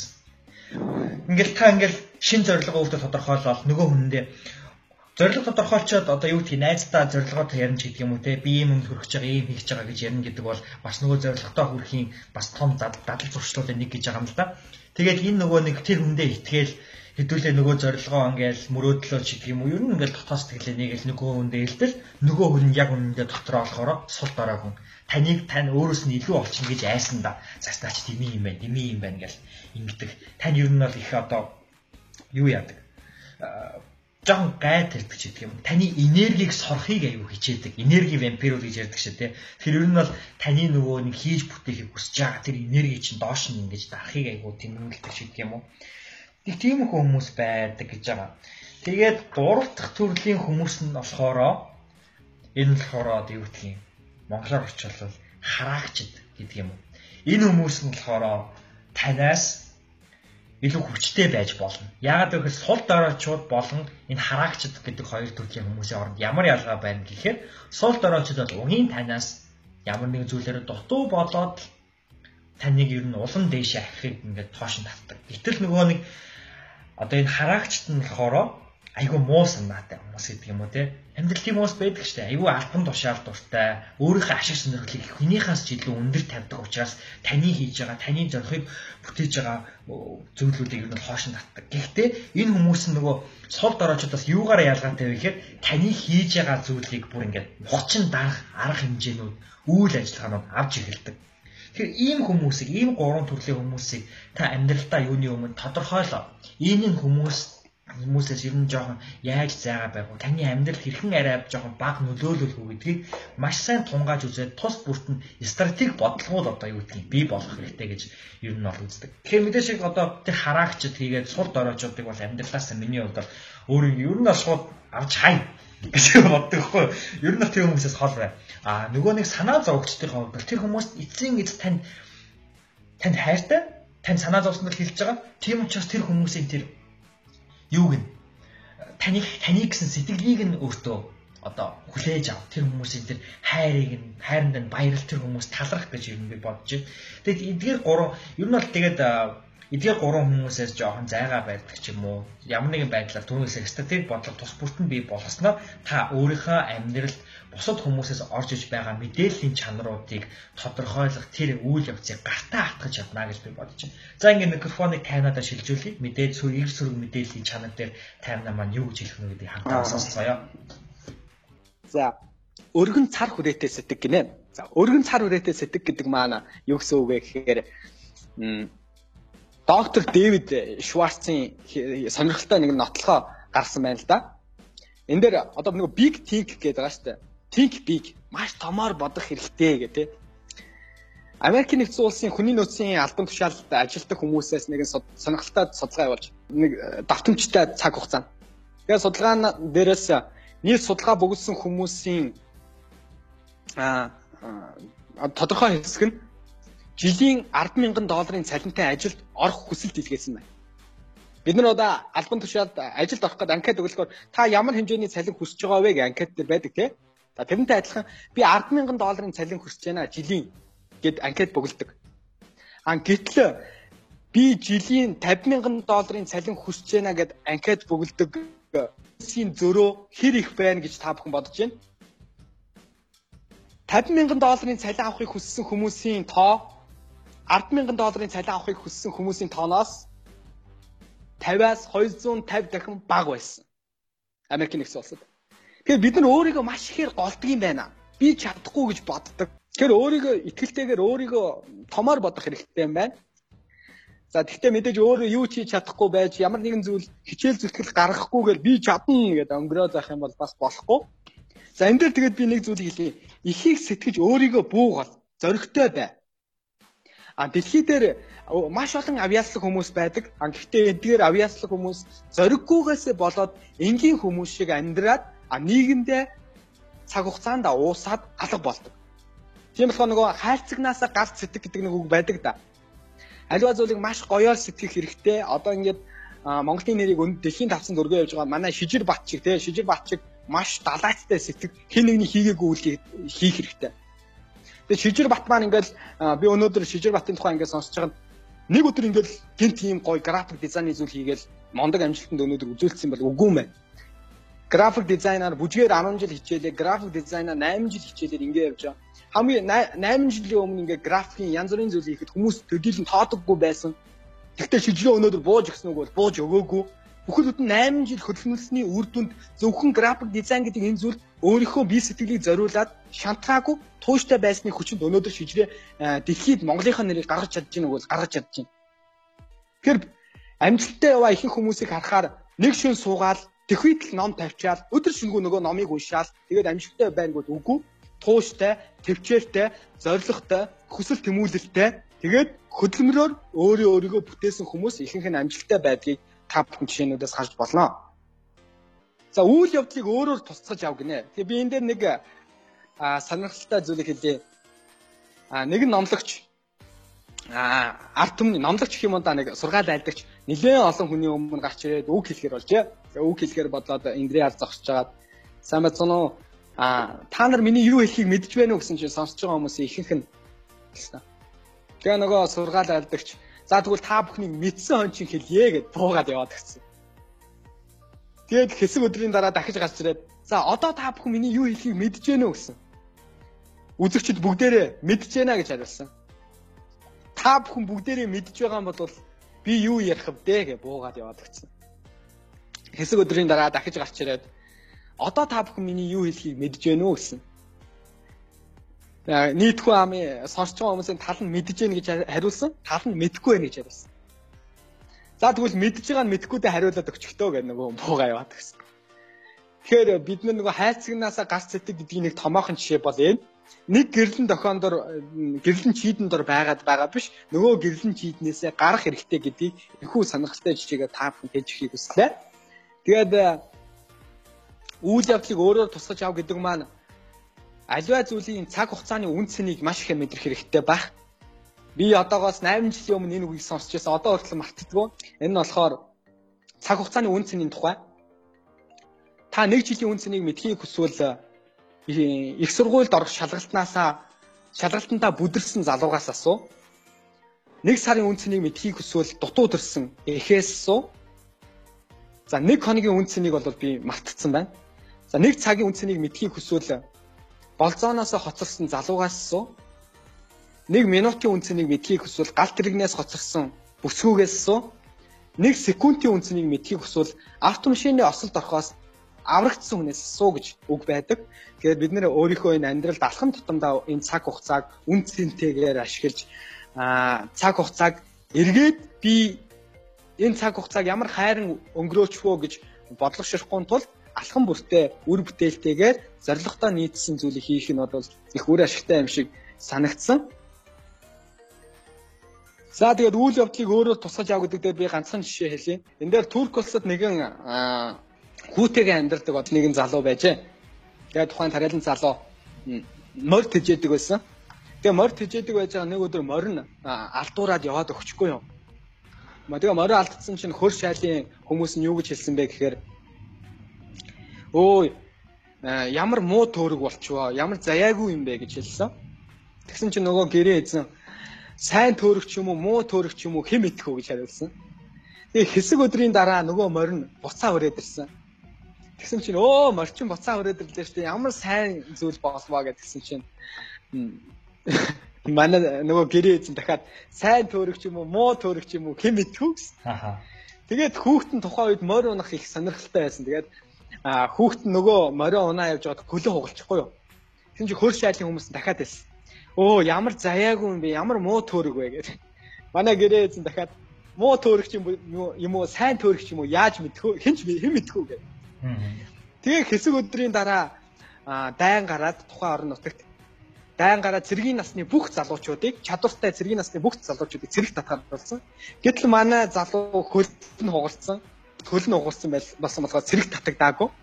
Тэгэхээр аливаа зүйлийг шууд ингээд дүгнээд энэ муу зүйл, энэ сайн зүйл гэж хүлээж авч болохгүй юм байна. Тухайн зүйлийг эерэг байдлаар өөртөө хүлээж авах хэрэгтэй юм. Магийн жишээ хэлье. Та бүхэн миний өмнөх 12 лайв хийсэн байгаа. Энэ бол 13 дахь лайв. Тэгээ 12 лайв хийхдээ Жакмагийн номын тухай хэлцүүлэг хийсэн. Тэрэн дээр Жакма их сургуульд 2 удаа бүтлгүүцсэн байдэн шүү. Та бүхэн сайн мэдэх бах. 2 удаа ихтэй сургуульд ороод шалгалт өгөө тэмцээгүй. Тэгээ 3 дахь удаага шалгалтандаа бэлдээжсэн чинь ээж аав нь За Жак Мачугаас их сургууль тэнцэхгүй мэн зүгээр ажил хий, амьдралаа бод гэсэн. Тэгээ Жак Ма зорилгоос шантраагүй. Тухайн үед юу тусалсан бэ гэхээр тухайн үед э, хятад улсад нэлээд нэр алдарт хүрсэж ирсэн. Амьдрал гэдэг нэртэй зохиол байсан. Тэгээ тухайн зохиолыг хүргэж өгдөг ажил хийдэг байсан. Тэгээ амьдрал зохиолыг Жак Ма өөрөө уншаад тэр амьдрал зохиолын гол дүрийн баатар Жак Магийн амьдралтай их төстэй хүн байсан. Тэгээ тэр номноос их урам зориг авсан байлаа. Тэгээ 3 дахь удаагийн шалгалтаа өгөөд 120 оноос 79 оноо авсан. За тэгээ 79 оноо аваад Ханжаогийн их сургуулийн хуулийн ангийн англи хэлний багшийн ангид тэнцэгд боломжтой оноо байсан. Уг нь бол тийм өндөр оноо биш. Гэтэ бол тэнцэг боломжтой оноо байсан. Тэгээ Ханжаогийн их сургуульд оюутнаар элсэж орсон байдгийн байна. Тэгэхээр хэрвээ та шалгалтандаа тэнцээгүй ч гэсэн магадгүй тэр танд өөр боломжийг өгж байгаа юм билүү та сайн бодоорой. Тийм болохоор альва зүйлийг байнга эргээр хүлээж аваарэ гэж та эргээр өөртөө тусгаж аваарэ гэж хүсмээр байна. За ингээд бэлгүүнээдээ яриагаа шийдчихлээ. За би зүгээр Дэл Карнегигийн Алтан гэдэг номноос тэмдэглэлийн дэвтэр дээр бичиж авсан нэг чухал зүйлүүдийг бас бичиж та бүхэнд хүргэдэм үү гэж бодлоо. Тэгээ ерөнхийдөө бол Дэл Карнеги бол бас 20 дугаар зууны хувь хүний хөгжлийн гайхалтай төлөөлөгч нарын нэг юм зохиолч байдаг. Тэгээд өөрийгөө хэрхэн зөвлөх хийж сурах уу, олонний дунд хэрхэн бие зүг авч явах уу, хэрхэн бусдад нөлөөлөх үү гэдэг тал дээр та хэрвээ унш судалмаар байвал Дэл Карнеги юуны төрөнд уншаарай гэж би бас зөвлөмөрөө. За тэгээд найзуудынхаа дунд өөрөөсөө эрэг хандлагыг бий болгож хүмүүс таныг хараад энэ ямар эрэг хүн бэ те? Энэ ямар зөв хүн бэ? Ямар зөв хандлагатай хүн бэ гэдэг тэрхүү одоо мэдээллийг бусдад өгөхийн тулд эдгээр зарчмуудыг бас амьдралдаа баримтуул их чухал гэж би боддог. Тэгээ тийм ч учраас тэмдэглэл дээр бичсэн байгаагийн та бүхэндээ хүргэж бодлоо. За нэгт бусдыг хизээч бүү буруудаг. Бусдыг бүү шөмжилж бай. Бусдаас үргэлж давуу сайн чанаруудыг нь олж хар хорлж харж бай гэж байгаа. За тэгэхээр бусдыг шүүмжлэх тал дээр би бас бусдыг шүүмжлэл сонсоод а шүүмжлэлээс гадна бас магтаа сонсоод тэрхийг хэрхэн хүлээж авдаг ганцхан коммент хэлье. Тэр нь болохоор юу гэх юм бол магтаал битгий хөөрөөрэй. Хүн хэрвээ таныг магтвал харин дотроо айл болох ингэж бодохыг хичээгээрэй. Энэ хүн хүн магтдаг айгүй буянтай хүний үрэл сайн талыг нь олж хардаг айгүй зөв хүн байж тэгэж эргээгээд цаад хүнийг магтаж дотроо бодож байгаараа ингэснээр та хүн болгоны талаар хүн бол хүн хүн, хүн таныг магтаж тусам та тухайн магтаж байгаа хүнийхээ талаар илүү гайхалтай одоо мэдрэмжийг авдаг. Тухайн хүнийхээ талаар одоо илүү гайхалтай одоо дүр төрхийг бий болгодог байгаа юм шүү. За бусдад нөлөөлж бусдаар хүссэн зүйлээ хийлгэх цор ганц арга бол тэдэнд дур хүслийг бий болгох гэж байгаа. А ямар нэгэн зүйлийг хүнээр хийлгүүлмээр байвал хүнийг үнэхээр persuade хийх буюу нөлөөлмөр байвал тэр хүнийг бүр хийх хийх хүсэл нь тэр дур хүслийг заавал би төрүүлж авах хэрэгтэй байна. За дараа нь болохоор асуул асуудлыг үргэлж бусдын үүднээс авч үзэж шийдлийг гаргахдаа өөрийн хийгээд өрөөлийн талд ашигтай байх байдлаар бодож шийдэж бай гэж байна. За хоёрдугаар хэсэг. Бусдад чин сэтгэлээсээ сонирхож, сонсож, ойлгож, таньж авч бай гэж. Тэгэхээр бусдад одоо энэ хүн ямар зөв хандлагатай хүн бэ гэдэг тэрхүү дүр төрхийг бий болгохын тулд хамгийн гол нь сонсох байгаа. Тэгэхээр бусдыг чин сэтгэлээсээ бүр сонирхож сонсож байгаа гэж. Дэл Карнеги энэ дээр нэг юм жишээ хэлсэн байсан баг. Яг хин гэдгийг санахгүй байна. Гэтэ менежерийг маш гайхалтай хүний жишээсэн. Тэр хүн болохоор ингээд а хин нэгэнтэй уулзахаасаа өмнө тухайн хүнийхээ тухай ойр дотныхоо хүмүүсээс ч юм уу эсвэл сонин сэтгүүлээс ч юм уу олж уншаад энэ хүн юу нь юунд сонирхолтой байж болох вэ? Энэ хүн яг ямар спортоор хичээлдэг үү, ямар ном уншдаг үү, тийм ээ? Тэр бүгдийг сонирхоод ямар улс төрийн хөдөл баримталтай гэдгийг мэдчихээд тэрдийн сайн судалж байгаа нөгөө хүнээсээ яг тэр сэдвүүдээр нь асууж ярилцах хэрэгтэй гэж байна. Тэгэхээр хүн бол өөрийнхөө тухай, өөрийнхөө дуртай зүйлийн тухай мэдээж хэрэг бусдад ярих хамгийн дуртай байдаг шүү дээ. За дараагийн зүйл маань инээмсэглэх. Түрүү маань 58 маань хэлжсэн те. А инээмсэглэж байгаа бол Энэ бол нөгөө инээмсэглэлийг хүлээж авч байгаа хүнээ хийгээд инээмсэглэж өгч байгаа хүнээ аль альнийг нь баян болгодог буюу баяжуулдаг. Тэгэхээр энэ бол таны бусдад өгж болох хамгийн гайхалтай бэлэг юм байна шүү. Аа за дараагийн энэ их сонирхолтой шээ байгаа. Хинч нэр гэдэг бол өөрийнх нь хувьд хамгийн гой, хамгийн сонсголонтой, хамгийн таатай үг. Тэгэхээр тухайн хүний нэрийг маш зөв дуудлага, маш гоё хэлж сурах хэрэгтэй байгаа. Тэгээд энэ явдалд бас таймнагаа маш олон удаа тамираа гэж бодчихсон дуучлаарай гэж. Тэ. За өөчлөе. Ягаад ч таймнаг айгүй их тамираа гэж дуудаад өгдөө ягаад юм мөн. Тэг тэгээд энэ дээр бол миний их том дутагдaltaй тал байгаа. Хүний нэр чэйжлэхдээ би айгүй муу. Тэгээд а Теодор Рузвельт ерөнхийдөө асан Теодор Рузвельт болохоор хүний нэр чэйжлэхдээ ингэдэг байсан гинэ Одоо ингээд би 50 гэдэг хүнтэй ингээд уулзчаад 50 гэдэг нэр яг энэ 50 гэдэг залууг илэрхийлж чадчих гинөө гэдгийг би боддог. Төсөөлөн боддог. За одоо 50 гэдэг нэрийг сонсчоод одоо би 50 ингээл амар 50 бясалгал хийж ин гэдэг юм уу. Айгүй 50 байгаагаар нь төсөөлчих юм бол 50 гэдэг нэр надад айгүй үлддэг гэж юм. А тэгээд нөгөө нэрээ бүр ингээд өөртөө тэг сэтгэл төрүүлж хадгалагдах хүртлээр цаасан дээр бичиж аваад түрийгээ үе үе хараад нөгөө өөнийхөө талаар төсөөлөн бодоод уруулаад тийм төлөвлөгөө бий болгодог гэсэн шүү. За тэгээд анх уулзсан хүнийхээ сайн сайхан чанар гадаад өнгө үзмжийг нь магтан саашааж сонирхол хүслийг нь ойлгож түүн дээр нь төвлөрөх гэх ийм зүйл байна. Тэгэхээр бусад хүнд комплимент буюу одоо магтаал цаашаал өгдөг ч тийм. Өнөөдөр чи ямар гоё цамц өгөөв, өмсөв, ямар гоё хувцас өмсөв. Ялангуяа эрэгтэй хүнд зангааг нь магтах, зангаа зүйлсэн байхад нь эрэгтэй хүн зангааг нь магтахад тэр хүн хизээш магтдаггүй гэж байгаа шүү. Тийм учраас хүмүүс зүйлж байгаа зүйлийг бас магтаж байхад тэр хүн их гоё нүд сэтгэл төрөж тань тэр хүн та та та тэр хүндээ их таалагдана. За дараагийн зүйл маань гэх юм бол хуцтмал хэрвээ байдал та орчвол бусад яаж одоо гоё дүр төрхөө стил өрөөсөөс хадгалсаар байх вэ гэхээр ямагт маргаанаас зайлсхий гэж байгаа. Маргаанд хизээж ялагч гэж байдаггүй. А зөвхөн маргаанаас зайлсхийн бууж өгсөн хүмүүс буюу найзууд байхыг эрхэмлсэн хүмүүс л амьдралд ялдаг гэсэн байна. За бусдыг хизээж бүх буруудаг харин өөрийн алдааг үргэлж хүлээн зөвшөөрж бусдад өөрийн өөрийгөө төгс хүмүүн биш гэдгээ ойлгуулж байна. Тэгээд энэ дээр ингэж байгаа. Энэ дээр их сонирхолтой байсан. Та дотроо өөрийгөө би амар ухаантай, би бол чадвартай, би мундаг хүн гэж бодчих болно. Дотроо. Гэхдээ тэрийг хизээж бүү ил үл гаргаа гэж энэ номонд бичсэн байдаг. Аа тэгээд алдаагаа ямагт хүлээж ярилцагчийнхаа талыг үргэлж баримт гэж байгаа. Ингэснээр нөгөө тал нь зөөлөрч давуу талууд, тань давуу талууд бий болдог. Тэгээд үргэлж найрсаг дипломатч замтай байх нь чухал. За тэгээд нэг зүйлийг үргэлж санах нь аяар явбал алс очно гэдэг үгийг санаж байн ярилцаж байгаа хүнээсээ аль болох тийм гэсэн хариултанд хариулагдах асуултуудыг асууж байгаарай гэсэн. Тэгэхээр ингээл өөрийнхөө санааг хэрвээ тулгамаар байвал өөрийнхөө санааг үнэхээр та зүг гэж бодож ивэл тухайн хүнээсээ одоо ингээл тэр зүйл чинь тийм биз дээ те гэл ингээл нөгөө хүн чинь тийм гээл те а тэгээд тэрэн дээр ер нь бол хүмүүс бүгдөө л тэгж боддог штэ те гэл ингээл нөгөө хүн тийм гэж хариулаад байх юм бол нөгөө хүн чинь аяанда нэрэл энэ хүний зөвштэй гэдэг ингээд бодож эхэлдэг гэж байгаа. Тэгэхээр энэ бол нэг сэтгэл зүйн физиологийн хувьд бол нэг юм бас хак гэж ойлгоод байгаа. За өөрийн гаргасан санаа бүтээлдээ бусдын үзэл бодол саналыг байнгын тусгаж өгч бай. Ингэснээр таны бүтээл зөвхөн таны биш бусдын бүтээл болсноо өөрөө нэг нийгмийн хүрээллийг бий болгоод таны зорьсон таны бүтээж байгаа зүйл чинь илүү олон хүнийг хамарсан маш том гайхалтай урлагийн бүтээл болж хувирдаг юм байна. За ярилцагч хүнийхээ нүдээр альва зүйлийг харж ярилцах ярилцаж байхдаа байнгын тухайн хүнээ ойлгуулж бас өөрөө тухайн хүнээ маш сайн ойлгож байх нь зүйтэй. Бусад хүн юу хүсэж байгааг ямар мэдрэмжтэй байгааг бод байгаа талаар нь бодолцож түүнд нь тааруул бусдад өөрийн шудраг үнэнч байдлыг харуулж ойлгуул нөгөө хүнээсээ адилхан зүйлийг хүс аль болох шудраг бай гэж хэлээд. Санал болгож буй зүйлсээс бодит амьдрал дээр хэрхэн хэрэг болох бодитоор харуулж болохыг ойлгуул. За тэгэхээр нөгөө нэг ингээл одоо мэтгэлцээл нэг асуудал дээр ярилцлаа шүү дээ.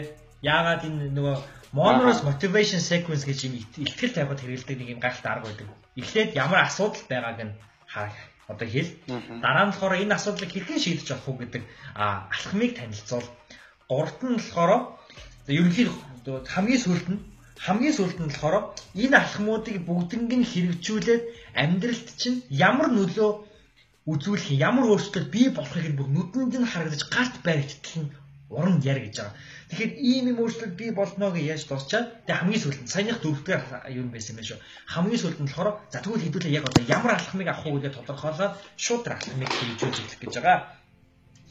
За тэгээд нөгөө хүнийхээ бусдаас ялгарх зан чанарыг онцолж үргэлж тэр ухаан хүнээ өдөөж бай гэсэн ийм зүйлүүдийг бичээд миний тэмдэглэл энэ үрээд болсон байна.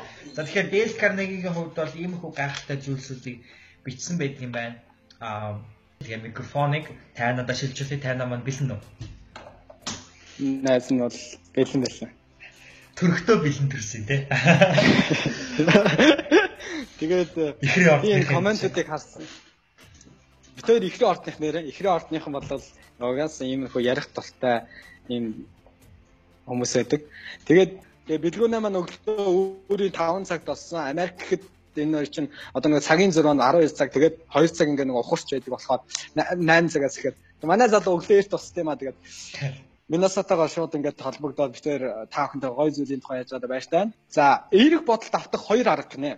За, эерэг бодолд одоо жишээ нь өөрөө ирэхгүй сөрөг бодолтой автагдаад байгаа болвол эерэг бодолд автах тийм аргуудыг та өөртөө бий болгох хэрэгтэй. Энэ хоёр арга байдаг. Хамгийн эхний арга нь болохоор өөхгүй хүсэх гинэ алгам тутамдаа та хүсэж явах хэрэгтэй. За хүснэ гэдэг маань гуйх хоёр бол хоёр том ойлголт шүү. Би гой машинтай болмоор байна, би мөнгөтэй болмоор байна гэл тэ. Тэр бол гуйлт. Та тэнгэр арал бурхан над дээр ингээ мөнгө шитчих юм шиг гайхалтай боломж хараад суух бол гуйлт. А хүснэ гэдэг маань та гайхалтайгаар хүсч чадж байгаа бол түүний гайхалтайгаар хийх мотивац төрн та түүнийг цаасан дээр буулгаад хөдөлмөрлөж эхэлнэ. Өөхгүй хөдөлмөрлөж эхэлнэ. Хөлсөө гаргаад та өдөрт 6 цаг унтдаг байсан 4 цаг унтаж эхэлнэ А найз нөхөдтэйгөө гарч ордог байсан бол гарч орохоо болж эхэлнэ. Тэгэхээр хамгийн ихний арга зам бол өөхгүй хүсэх. Хоёр дахь арга зам нь болохоор арга зам. Хоёр дахь нь арга зам. Арга замаа наривчлж тодорхойлоод цаасан дээр бичээд үүний дагуу хэрэгжүүлгээ. За, эерэг бодлыг бий болгох хоёр арга бол энэ байлаа. За, амьдралаа өөрчлөх шийдвэр гарга. Амьдралаа өөрчлөхийн тулд та маш шийдэмгий бай. Аливаа асуудалд шийдэмгий хандах хэрэгтэй. Эрчүүдийн хувьд бол шийдэмгий байх хэрэгтэй гэдэг байна ш. Хар зууж байгаа л хайртай бүсгүйг алддаг. Тийм болохоор шийдэмгий байдал бол хамгийн зөв зам гэдгийг бол та бүхэнд хэлмээр байна. Тэгээд энэ дээр болохоор би Демостос Демостос гэдэг э, уран итгэгчийн тухай ярив. Аристотл Платоны үед энэ Демостос гэдэг уран итгэгч амьдарч байсан. Тэгээд тухайд нэгэн сэлэмчний хүүхэд байсан. Нилээн баян айлын хүүхэд, Сэхэтний хүүхэд гэсэн үг. Сэлэмчин. Тэгээд 7 э, настай байхад нь аав нас бараад тэгээд Демостсийн үед маш жоох хүүхэд байсан болохоор ах トゥ сад нь аавынх нь танилуд нь жоохны далимдуулаад бүх эд хөрөнгийг авсан. Демостос өөрийн гэсэн эд хөрөнгө юу ч үлдээгөө. Тэгээд Демостос өөрийнхөө амьдралыг өөрчлөхөөр шийдсэн. Би тэр хүмүүстэй энэ жаахан хүүхэд тэнцэж чадахгүй. Тийм болохоор би оюун ухаанаараа үгээрээ тэдэнтэй тэнцэнэ гэд уран илтгэж болохоор шийдсэн. 7 настайгаас эхлээд аавыгаа алдснаас хойш. За тэгээ уран илтгэж болохоор шийдэнгүүтээ Демостосийн хувьд ээр байсан. Маш их ээрч ярьдаг. Тэгэл хүмүүсийн өмнө гараад үг яриад ээрээд эхлэхээр хүмүүс шоолдог. Чи ярьж чадахгүй байж яагаад ингээд бидний миний өмнө гарч яриад байгаа юм бэ гэдэг Демостыг маш ихээр шоолдог байлаа. Демос ууггүй хичээлсний үр дүнд 15 жил 20 жил хичээлсний үр дүнд тухайн үедээ нэлээд нэр алдартай уран илтгэж болж чадсан юм аа. Тийм болохоор та шийдвэртэй амьдралдаа шийдвэртэй алхам хийхийг хүсчээвэл өөхгүй хүсэх хэрэгтэй, түүнийхээ төлөө тууштай тэмцэх хэрэгтэй. Хин нэгэн таны хөндлөнгөөс хараад таныг мохоох маш олон үгүүд хэлнэ. Гэхдээ түүнд бүү шантраараа амьдрал бол богинохон та өөрөө өөрийнхөө л зорилгоор яв, өөрөө өөрийнхөө хүссэн замаар явъя гэж та бүхэн хэлмээр байна. За дараагийн миний хэлэх гээд байгаа санаа бол хаанаас эхэлсэн нь чухал биш. Хаа хүрэх гээд явж байгаа нь илүү чухал юм шүү гэдгийг хэллээ. Зарим хүмүүс бодож иж магадгүй л дээ. Ээж аав маань хитрхи их мөнгөгүй болохоор би Америк нэгдсэн улсад юм уу мундаг мундаг сургууль би сурч чадахгүй байна гэж хүмүүс хэлдэг. Багш битүүрийн харилцаа тийм сайн биш болохоор багш надад сайн дүн тавихгүй байна гэж хэлдэг Найз маань миний их хүрээлэлд хүмүүс тамхи татдаг болохоор би тамхинаас гарч чадахгүй байна гэж өөртөө итгүүлдэг. Гэхдээ эцсийн үр дүнд нь хүмүүс ингээд амжилтанд хүрэхгүй байгаа а шал амжилтанд хүрэхгүй байгаа шалтгааныхаа ард хүмүүс нуугдаж эхэлдэг. Шалтгааныг битгий хайгаарай. Үргэлж хичээж байгаарай. Би танд хэлье мөнгөтэй хүн болго амжилтанд хүрдэг юм шүү. Би тэрийг бол ам бардам хэлж чадна Зөвхөн амжилтыг хүн өөрөө л бүтээж чадна. Энэ дэлхийг захирч би 30 эрхэм гэдэг энэ номон дээр Обра тэгэл Warren Buffett эдгээр хүмүүс маш хүнд амьдралыг л туулсан байна. Бараг өлсгийн зовлон зарим нь үдсэн Джек Ма өлсгийн зовлон үдэж өссөн хүн. Гэтэл энэ хүмүүс амжилтанд хүрсэн үгүй л өнөөдөр дэлхийн хэмжээний компаниг эзэмшээд Америкийн нөхцөл улсын Forbes сэтгүүлийн сүүлийн жилүүдэд гарсан шилдэг 30 эрхмийн тоонд 30 тэрбумтны тоонд явж байгаа. Бид чадна. Та өөрөө л зоригтой байх юм бол мөнгөтэй мөнгөгүй хамаагүй. Танд мөнгө биш хүсэл зориг байх юм бол та амжилтанд хүрч чадна гэдгийг бол эдгээр номуудаас номон дээр бичсэн зүйлүүдээс бол баталж та бүхэндээ би бас хэлхийг хүсэж байна. За тэгээ зорилгоо тодорхойл гэдэг дээр би хэдхэн зүйлийг хэлье.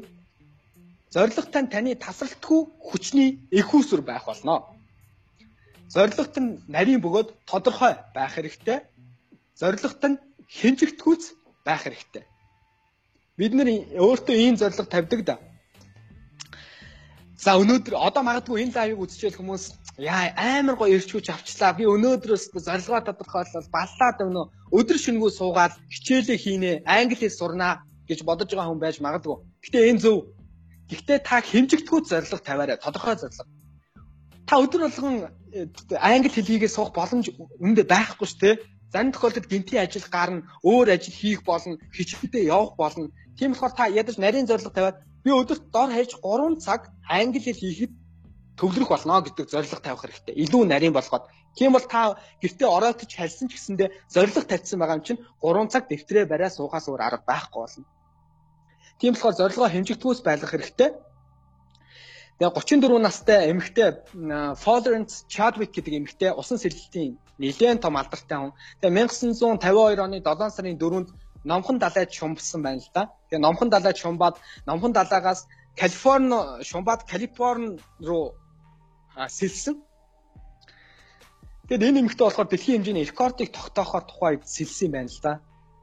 Тэгээд 15 цаг тасралтгүй усан сэлсэн. Тэгээд усан цэлсний дараа маш хүүтэн ус ядарсан 15 цаг тасралтгүй сэлнэ гэдэг нь амар их хүч хүнээс шаардсан шүү дээ. Тэгээ хажууд явжсэн нөгөө завтай хүмүүстэй за би энэ замынхаа дундаас би нэцгаар боллоо. Би энэ замаа дуусгах чадахгүй нэ гэж хэлсэн. Тэгсэн чинь нөгөө завин дээр байгаа дасгалжуулагч нар нь одоо хэдхэн хэдхэн метр үлдсэн байж тээ чи үргэлжлүүлчихээ чи чадна гэсэн. Тэгээ эрг рүү харсан чинь дам манан эрг огт харагдахгүй эргэн тойрон дам манангаар хүрээлэгдсэн байсан. Гэж утсан бэ гэхээр эрэг харагдахгүй байгаа юм чинь би бол дахиад цааш явж чадахгүй миний би дийлэхгүй нэ. Тэгээд нөгөө завин дээр өргөж гаргаад тэгээд эрэг дээр аваачаад яг биеийг ингээд тодорхой хэмжээний дараа тайвширсны дараа сэтгүүлчнэр ирээд асууж лтэй. Эрэг төрөхөд хэдхэн метр үлдсэн байхад та яагаад замынхаа дундаас ингээд хайчваа гэсэн. Үннийг хэлэхэд би шалтгаан хайж байгаа юм бишээ. Гэхдээ э, манан эргийг халахалцсан байсан. Эрэг хэрвээ надад харагдсан байсан бол би замаа дуусгах боломж надад байсан гэж хариулсан. Энэ жишээгээр юу хэлэх гээд байгаа юм бэ гэхээр Чадвикийн хувьд огтхон ч ядраагүй байсан тэр хүүтэн ус мос бол тэр хүнд нөлөөлөөгүй. Ганцхан сэтгэл зүйн өөрийнхөө зорилгот бэлтгэдэг байсан. Тэгэхээр та ямар нэгэн зүйлийг хийх гэж байгаа бол бас сэтгэл зүгээ бэлдэх хэрэгтэй. Тэгэл байх уу. Гадагшаа явж сурна, өөрийнхөө боловсролыг дээшлүүлнэ гэж байгаа маш том золиосыг өөртөө бий болгох хэрэгтэй. Тухайн золиостаа бэлэн байна уу гэдгээ өөртөө байнга хэлж явах хэрэгтэй. Би гэр бүлээсээ хол сурна, 2 жил 3 жил хайртай хүмүүсээс хол байна. Би энэ сэтгэл зүйн бэлтгэл байна уу гэж өөрөөсөө байнга асууж явах хэрэгтэй. Тэгэхээр зорилгоо тодорхойлсныхаа дараа өөрийнхөө сэтгэл зүг бэлтгэл гэдэг энэ зүйлийг та бүхэн тэмдэглээд аваарай. Гэхдээ Чадвикийн хувьд зорьсон зорилгодоо хүрсэн үг хүрсэн 2хан сарын дараа дахиж номхон далайг гаталж Калифорнид очсноор дэлхийн э, хэмжээний рекордыг тухайн онд тогтоож байсан байна. За тэгээд зорилгоо хэрэгжүүлэх цаг үеийг тодорхойлгоно. Яг зорилго чинь хэдийн хэмжээний хугацаанд хэрэгжиж байгаа тэрийг та нарийн тодорхойлох хэрэгтэй. Хэдэн сарын тэдний өдөр энэ зорилгоо би биелүүлнэ гэж цаасан дээр буулгах юм бол зорилго нь илүү хэрэгжих байдгийн байна. За дотоод ухамсараа өдөрдөг нэ. Бидний тарих тань тохиолдсон за энэ их гоё сонирхолтой чи манайхаа яг анхаарлаа хандуулчаарай дотоод ухамсараа өдөрт гэдэг нь юу гэсэн үг вэ гэхээр бидний тарих өнгөрсөн болсон үйл явдал а ирээдүйд болох төсөөлсөн тэр үйл явдал хоёрыг ялгадаггүй юм байна. Энэ шийдлэг ухаан бүр нотолсон. Тэгэхээр өнгөрсөнд одоо ийм үйл явдал боллоо гэж та тарихтаа төсөөлнө шүү дээ. Тэгэхээр таны тарих нөгөө тохиоллын тохиог хүлээгээд авах цахилгаан химийн системээрээ. Гэтэл та тарихында зүгээр өнгөрсөнд ийм үйл явдал боллоо ч гэдэм үү те. Одоо жишээ нь би 5 жилийн дараа Америкийн нэгдсэн улсын төл сургуульд би мэрэгчлээ дэвшлүүлээд суралцж байх болно гэдэг ч юм уу.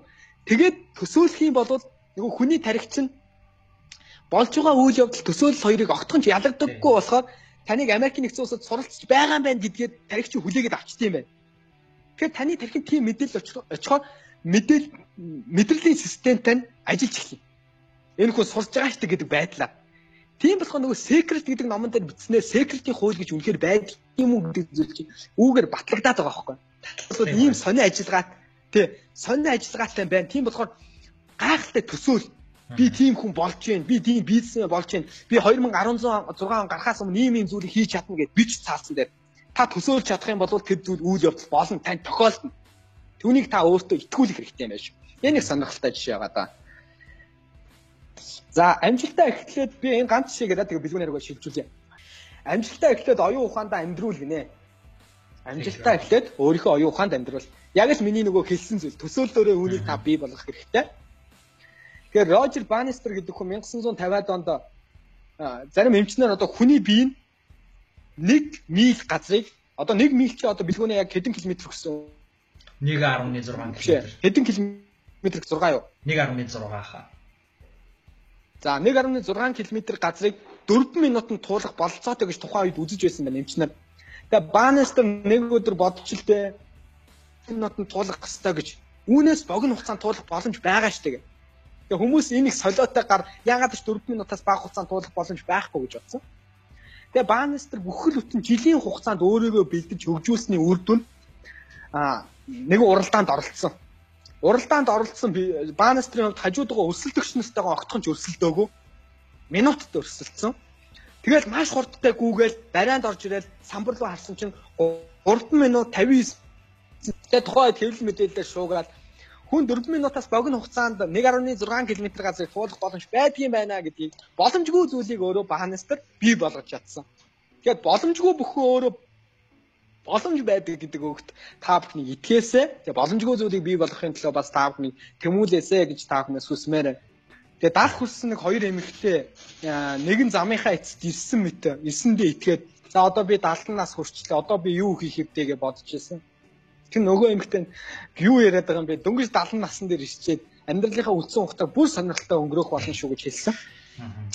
Тэгээд сонирхолтой өнгөрөх эмэгтэй нь бүх 90 90 наслсан. Тэгээд 90 өнгөрсөн 20 жилийнхаа 70-аас 20 20 дараагийн 20 жилийнхаа амьдралыг уулан давирах спортоор хичээлсэн. Маш олон уулан давирчсан. Тэгээд Пүүжи ууланд гарсан хамгийн ахмад настай эмэгтэйгээр тэр хүн шалгарч байсан юм байна. Гайхалтай. Тэгэхээр хүнд бол нас бол тоо. Аа. Тэгэл яах вэ? Оо бид нар залуу хүмүүс эрч хүч бидэнд байна. Хүсэл тэмүүлэл байна, мөрөөдөл байна. Тэгэхээр бид нар бол маш илүү их хүчин чармаалтыг бол гаргах шаардлагатай юм байна. За тэр хүний нэрийг нь болохоор Хулка Курукс гэдэг юм байна. Хулка Курукс гэдэг эмээ. Тэгээд Фужи ууланд гарсан хамгийн өндөр настай хүн байна шүү. Тэгээ яаж нөлөөлөх нь биш, яаж хүлээж авах нь хамгийн чухал байдаг юм аа гэж та бүхэнд хэлье. За тэгээд анхаарлаа төвлөрүүлэх тал дээр хүмүүс би анхаарлаа төвлөрүүлж чадахгүй маа гэж бодож байж магадгүй хэрхэн анхаарлаа төвлөрүүлэх вэ гэдэг. Тэгэхээр анхаарал төвлөрөх чадвараа утасгахын тулд хамгийн бидний ойр хийж чадах чадварууд дасгал бол ном унших. Та өдөрт ирж цаг юм уу 1 цагаас 30 минут ном унших хэрэгтэй.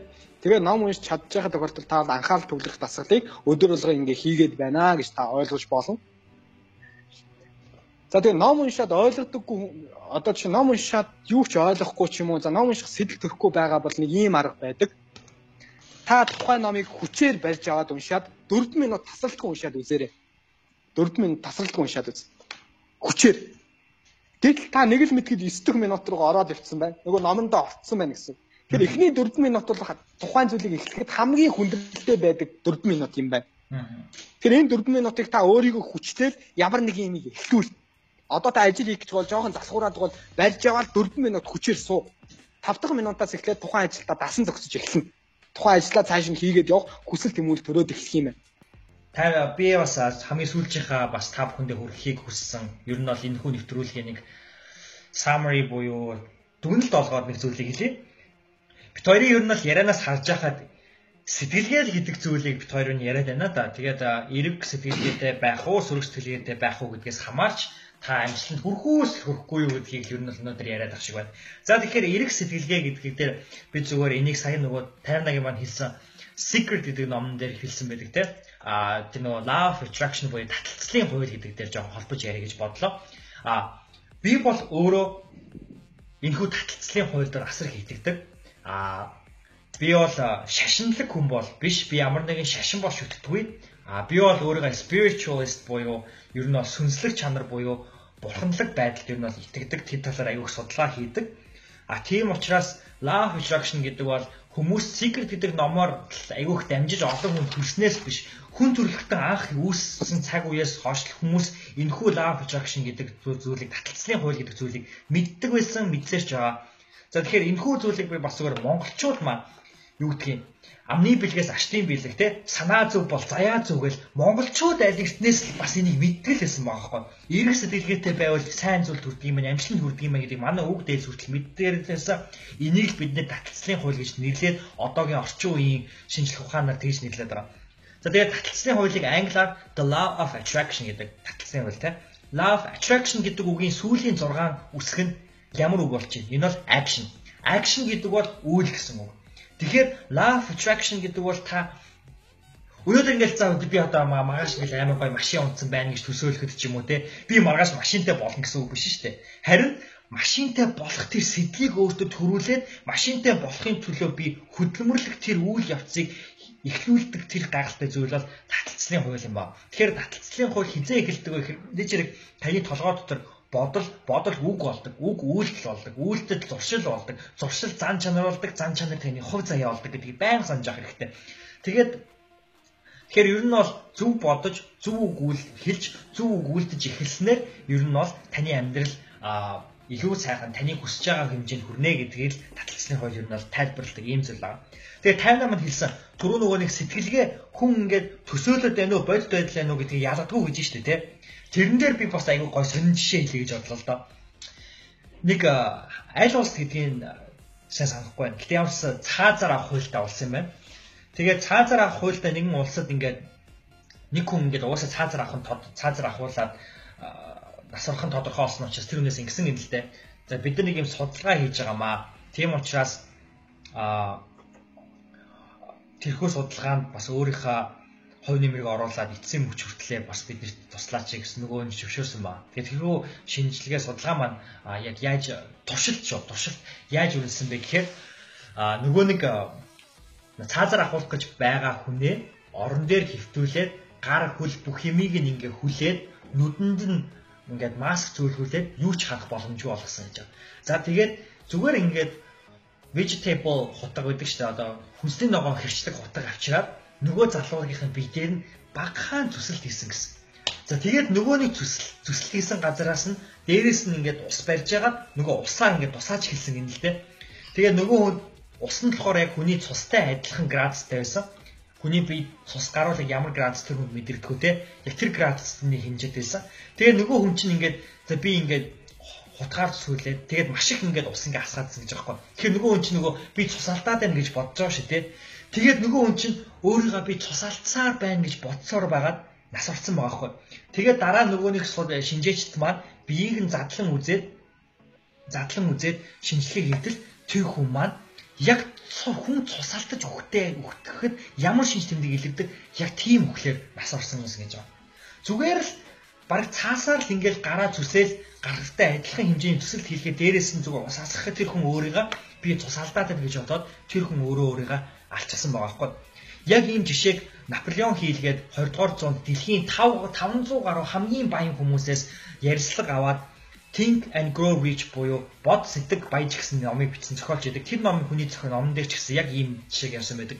Банкнаас асар их мөнгө зээлээд нөгөө зээлээ төлж чадахгүй нөгөө мөнгөөр нэг өдрийн дотор алдаад мөрөдө тоглолцдог өлөө яадаг үлээ. Тэгээд явсан нөгөө мөнгө алдаад аа ингээд тэр мөнгөний угаасаа төлөх чадахгүй гэж өөртөө сэтгэад тэгээд нэг зочид буудлын өрөөнд ороод Бурхан минь намайг аваад яваач гэхэд тэр үгийг маш олон удаа давтсаар агаад тэр хүн нас орсон байсан гэж байгаа. Дараа нь бас нөгөө шинжээчд үзээд энэ хүн ухамсарын хин төвшөнд амиа орлол хийсэн байна гэж.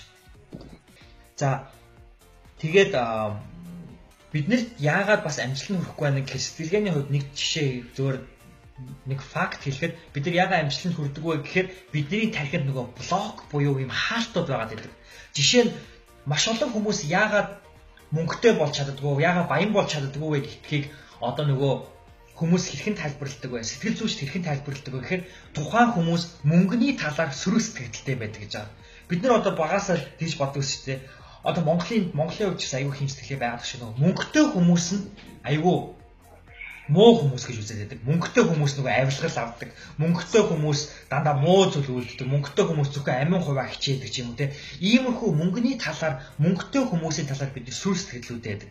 А мөнгө гэдэг зүйлийг одоо юу гэх юм манай гэр бүл та та бүхний эцэг эх ч юм уу хэрвээ тийм одоо ялангуяа монголчуудын нийгэмд бол бид нар социалист улс, коммунист социалист улс 70 жилийн хугацаанд байсан учраас хүн болгон одоо баян тасаг хэмжээнд амьдраагүй бүгдөө л нэг төвшөнд амьдарсаар ирсэн. Тийм учраас эцэг их нь мөнгөний талаар арай одоо бага ойлголттой. Тэгээд эцэг их нь маш их мөнгийг хурааж чадаагүй бол мөнгө гэдгийг манай эцэг их хурааж чадаагүй юм чинь би бас яаж мөнгийг хурааж авдаг ч гэдэг юм уу. Иймэрхүү жижиг сажиг сэтгэлгээний блокуудыг бид нөр өөрсдөө бий болгоцсон байт юм байна л да. Тийм учраас энэхүү сэтгэлгээний блокуудыг устгаж үгүй болох хэрэгтэй гэж байна. Тэгээд би түрүү хэлсэн ээж маань хэлсэн нэг үг гэдэг. Мэдээллийн чанараас амьдралын чанар хамаарна гэж. Тэгэхээр та ямар төрлийн мэдээлэл хэдий чинь аавн төдий чиний амьдралын чинь тань чанар амьдралын тань чанар тодорхойлогддог. Тийм учраас мөнгийг хэрхэн зөв зарцуулах уу, мөнгийг хэрхэн зөв хурааж авах уу. Тиймэрхүү одоо ном, сонин, сэтгүүл а видео бичлэг, ихтгэл, лекц юу байдгийг тэр зүйлүүдийг үргэлж одоо сонсч тэрхүү нөгөө сэтгэлгээний блок буюу хаалтаа үгүй болох хэрэгтэй. Тэгэхээр subconscious mind буюу даалт ухамсарыг програмчлах гэж өнөөдөр тайна маань ярьлаа. Програмчлахын тулд давтамж гэдэг зүйл хамгийн чухал байдаг. Тэгэхээр байнгын давтамжтайгаар маш олон мэдээллүүдийг, сүү эрг мэдээллүүдийг өөртөө байнгын авч та хэн болмоор нь яг тухайн хүн болохыг хүсэж байгаа тухайн хүмүүсээсээ адилхан хүмүүсээсээ мэдээллүүдийг авч бай тээ.